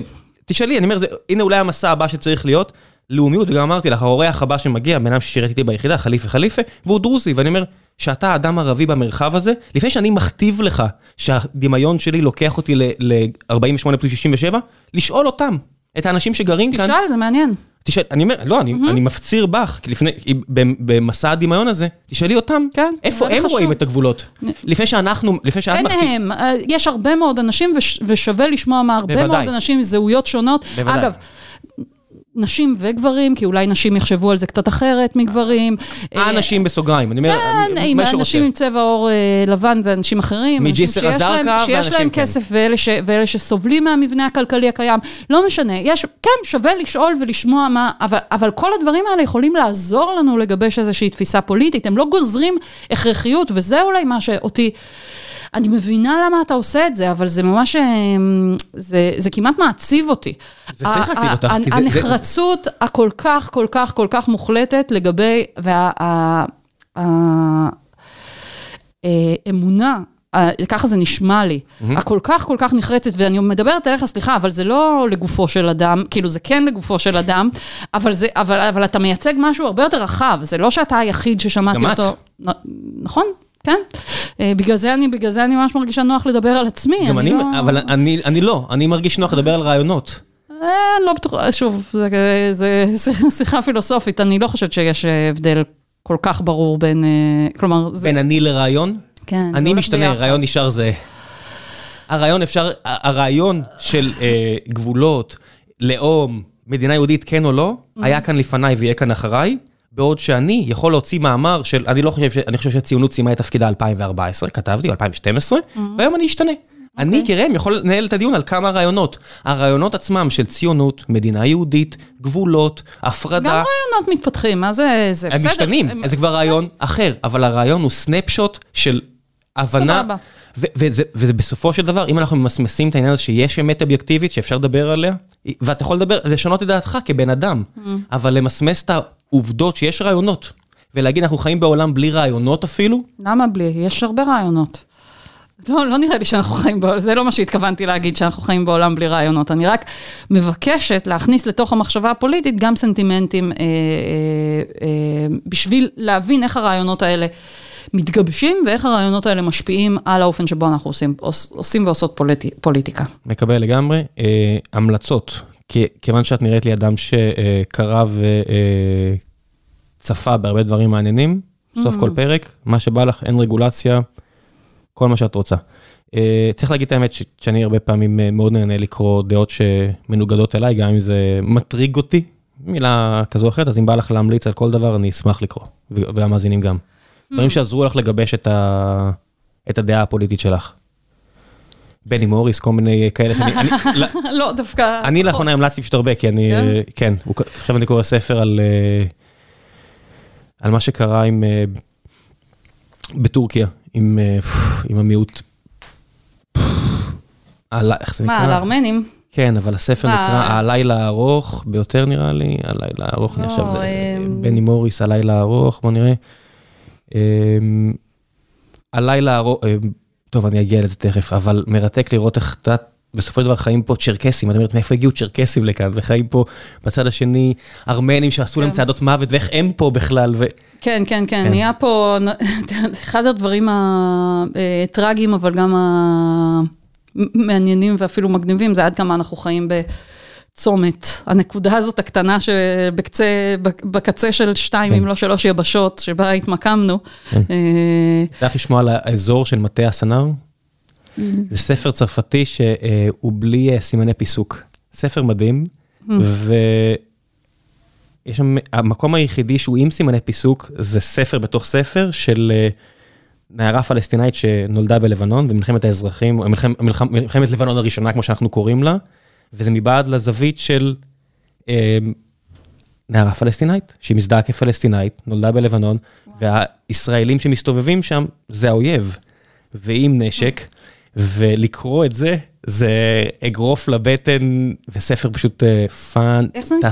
האזור, מטה הסנר, אני חושב, אני אבדוק. אה, האזור, זה יפוצץ לך את השכל. לקרוא ספר בלי. האזור, אני מקווה שאני לא טובח בשמו, מטה הסנר. אה, וואו. יאללה, אז הנה, אתה נתת המלצה. לא, אבל אני רוצה לשמוע ממך. אה, המלצות. אה, בוא אני אגיד לך, ברוח השיחה שלנו עכשיו, שיש אה, לא מעט גם, שאני חושבת גם דברים בעברית, קצת ספרות שאני בשנים האחרונות מצאתי אותה אה, מעניינת, ושכאמור עזרה לי לחשוב על, על עצמנו, זה קצת ספרות דרום אפריקאית. אה, אה, על התקופה גם של האפרטהייד, אבל גם לפני, כי הזכרנו את זה במילה, על הקולוניאליזם והאם, עד כמה, גם מה שקורה פה היום, גם על האפרטהייד, עד כמה אפשר לראות את זה כ, כ, כמסגרת פוליטית שהיא אנטי-קולוניאלית. לעומת כמה היא חלק מהקולוניאליזם, אז אה, לא יודעת, גם קוצי, שתמיד אה, טוב לחזור. דם קוצי? גם, גם קוצי, שתמיד טוב מי זה? לחזור אליו. אה, אה, סופר דרום אפריקאי, אה, קראתי עכשיו את, זה נקרא אה, אה, יד הברזל, אני חושבת בעברית. אה, קיר הברזל, קיר הברזל. אה, מאוד מגניב, על שנות המגניב. איך זה נקרא? קיר הברזל. אה, מאוד, אה, על, על שנות ה-80, בדרום אפריקה, סיפור בקייפטאון, אה, זו תקופה שדרום אפריקה בוערת, כלומר ממש בוערת, ב townships, באזורים של השחורים, יש אה, כאילו אה, מהומ- מהומות, אה, כאילו ממש מלחמה, מלחמת אזרחים. וליד, באזורים הלבנים, זה מתחיל לחלחל לשם. כלומר, רק מתחילים להרגיש את, ה, את איך הדבר הזה אה, משפיע, אבל אפרופו הפרדה וכמה אפשר להחזיק אותה. אז זה נגיד ספר שהמליצו, מישהי שקרא את הספר שלי המליצה לי לקרוא אותו, וקראתי אותו רק אחר כך, והוא פתאום... מתורגם לעברית? כן, כן, כן, כן, בגלל זה אני אומרת. אה, גם דברים שלא מתורגמים, זה באנגלית לפחות. אה, לא שאני מבין אה, הדרום אפריקאים שמדברים איתי, אבל בסדר. כן. אמ, לא, ומה ש... רגע, עוד אחד שרציתי להגיד. אמ, אה, טוב, אפשר אה, את אה, זקי ארץ אהובה. שזה אולי כן אה, מאוד מתקשר זה הקי ארצי אהובה. לארץ אהובה. כן. שדווקא מסתכל על התקופה בדרום אפריקה של אה, לפני האפרטהייד, כאילו זה שנות ה-30 אני חושבת, אה, אבל כל המבנה כבר שם. וזה נראה לי מהדברים גם שאתה מדבר עליהם. אם הולכים אחורה היסטורית ולנסות להבין איך, איך מתגבשים מבנים פוליטיים ותודעה פוליטית, אז אני חושבת ששם זה מעניין ללכת את הצעד אחורה. שוב, לא כי זה מספר את כל הסיפור, אף פעם לא אנלוגיות- מספר את כל בעיניי הסיפור. אנלוגיות מעניינות, גם החיבור שאת עושה שם, שגרם לי ללכת לקרוא על המשיכה, המש- התפיסה המשיחית שלהם, זאת אומרת, על העניין של חיבור של דת, כן, שזה פאקינג כן, נרטיב מסוכן הרבה פעמים, מאוד. אה, והוא נוכח בשני המקרים. של העם הנבחר ושל הארץ המובטחת. כן, והחיבור- חיבור דתי, במקום כן. שהוא תמיד לא רציונלי. כן. גם עכשיו, אגב, הרוסים עושים בזה הרבה שימוש. אפשר לשמוע את הרטוריקה של כאילו... אני לא מערבב, אה, זה פשוט משהו אחר, שם זה- זה לא דת, זה היסטוריה, הם יכולים להגיד שרוס קייב זה הבירה המקורית, ו- כן, לא יודעת, איפה אבל, איפה אבל נמצאים הרעיונות שם. כל כך לא אפויים, אני אומר, אני אפילו לא יכול להתייחס אליהם ברצינות, כשהם צועקים נאצים. זה, אני, לא, אני לא יכול לעשות את ההשוואה הזאת, כי בסופו של דבר, ואנשים עושים אותה וזה טבעי. ורק היום כתבתי בטוויטר, ראיתי אה, אה, שלום בוגוסלובסקי, שהוא איש מדהים, אה, קיבל הודעה מחבר בקייב, והודעה בעברית. והחבר אומר לו, תקשיב, עומד להיגמר האוכל, אנחנו מתבצרים פה, אנשים עם נשק, אמ. וזה שזה בעברית, ואני יכול לקרוא את זה, אני לא קורא אה, שפות אחרות מלבד עברית כן. ואנגלית, זה צובט את הלב כל כך, ואני אמרתי, זה כמו שכל העולם הערבי שדובר ערבית יכול לקרוא מעזה, שמפציצים אותם והם מוציאים את הדיווחים, כן, על כמה זה יוצר את השייכות, כי שפה זה... מר- נכון. זה מ- מחבר את ה... נכון. אין, בגלל זה אני תמיד אומר, אין באמת הבדלים, כי זה אותו עם ואני מבין את זה. במובן הזה, אז אני אומר, כמו שאני רואה מישהו ש... אוקראיני, שגר באוקראינה, והוא שולח לחבר שלו, שאני, את יודעת, הוא ידיד, מה שאני מכיר, והוא שולח לו בעברית, הלב שלי מצ- נצבט, והוא אומר, אנחנו, יש לנו קצת חלב ושמנת, ואנחנו שומרים את זה לילדים, ותכף ייגמר. ואני אומר, אני הרבה יותר קרוב אליו מאשר לחיילים הרוסים הצ'צ'נים, אה, כי זה בעברית. כן, כן. זה בסוף, הנה, הרי, הנה, אם את עושה את החיבור הרגשי שהוא לא רציונלי, גם כי זה, בעברית, גם כי זה בעברית, וגם כי אני חושבת שיש לנו באמת, אה, באופן טבעי יותר קל לנו למקם את עצמנו, אולי בשל מי שאנחנו עם ההיסטוריה שלנו וזה, אבל אולי גם זה משהו אנושי בסיסי, למקם את עצמנו בצד של הקורבן. אבל מבחינתי לא, ולא מבחינת של אני, התוקפן. אני מזדהה אפילו עם החיילים הר- הרוסים שנכנסים למדינה אחרת, הם לא מבינים בכלל מה הם בהכרח עושים שם. כן. ואני אומר, אפילו עם זה אני יכול אמפתיה, כן. כי הייתי חייל בצבא שלא תמיד הבנתי מה אנחנו עושים, אבל השפה, כן, השפה... תרבות עושה- ועם, העניין הזה של היווצרות של עם, תאהבו את זה או לא, זה, זה נוצר. נכון. וזה גם יכול להיות תשובה בשאלה, מה שאמרתי, על למה עזה לא מצרים, כי הם אומרים ככה. זה כמו שאת איך את יודעת שבן אדם אה, הוא טבעוני? אה, הוא אומר לך.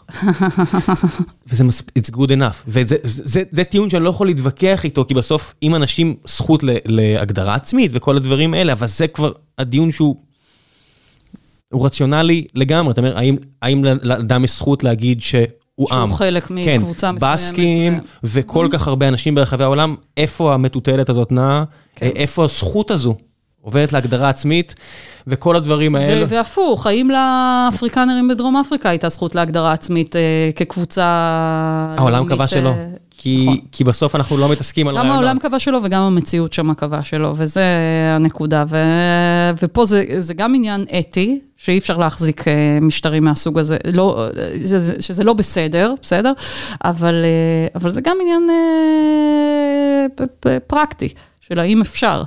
אה, הם לא יכלו. הם לא. יכלו. האם אפשר, אני לא יודע, אם הם הצליחו או לא הצליחו, זה עובדה שלא. כן. זאת אומרת, בסופו של דבר, חומה ומגדל, לשים יישובים פשוט ולקבוע, זה שלי.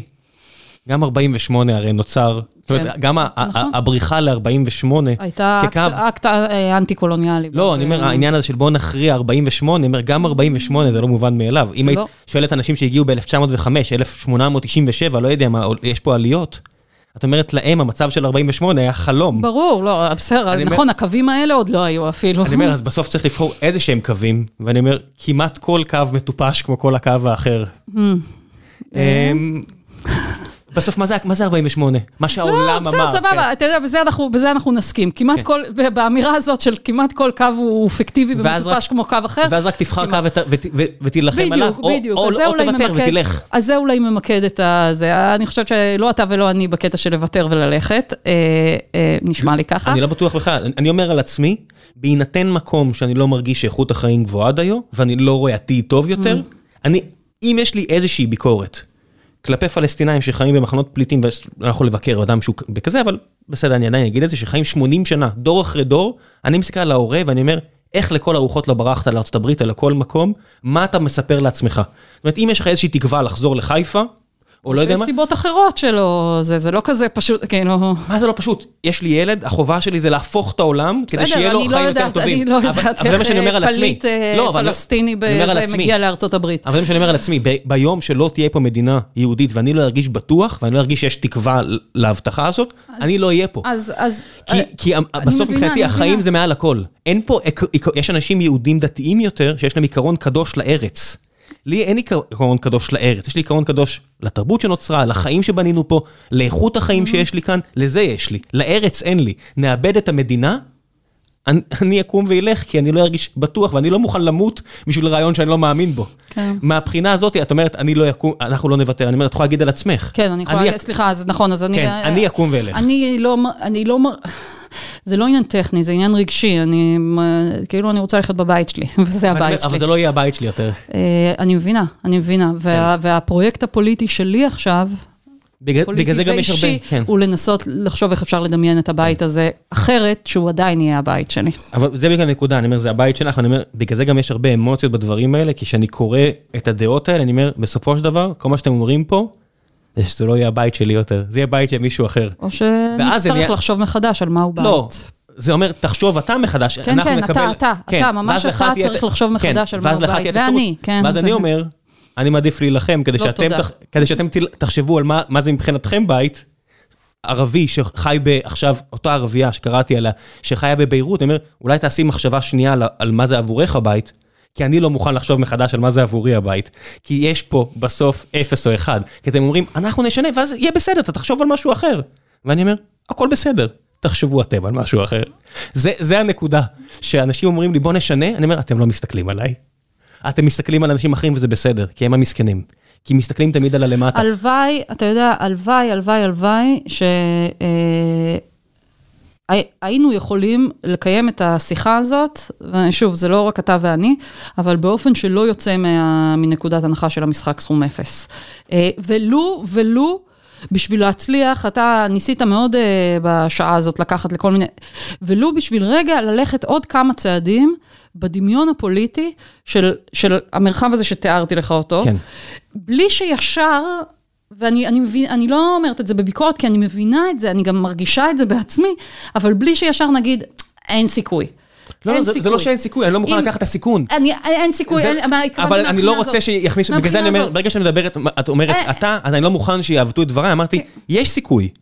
אני פשוט חושב שהסיכוי הוא נמוך ואני לא מוכן לקחת את הסיכון. כן, כן, כן, התכוונתי, אין, אה, מצב, כאילו, זו הייתה המילה שחיפשתי. כאילו, אני- לא מוכן לעשות את זה, אני זה לא הולך. לשם. זה משהו כן. אחר.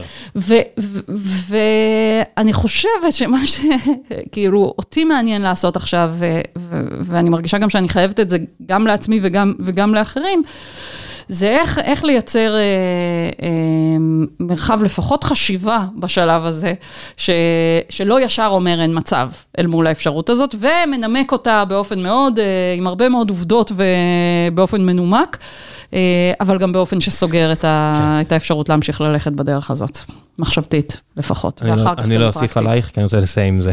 יאללה, תודה רבה. תודה לך. רגע, הספר? מי את בכלל?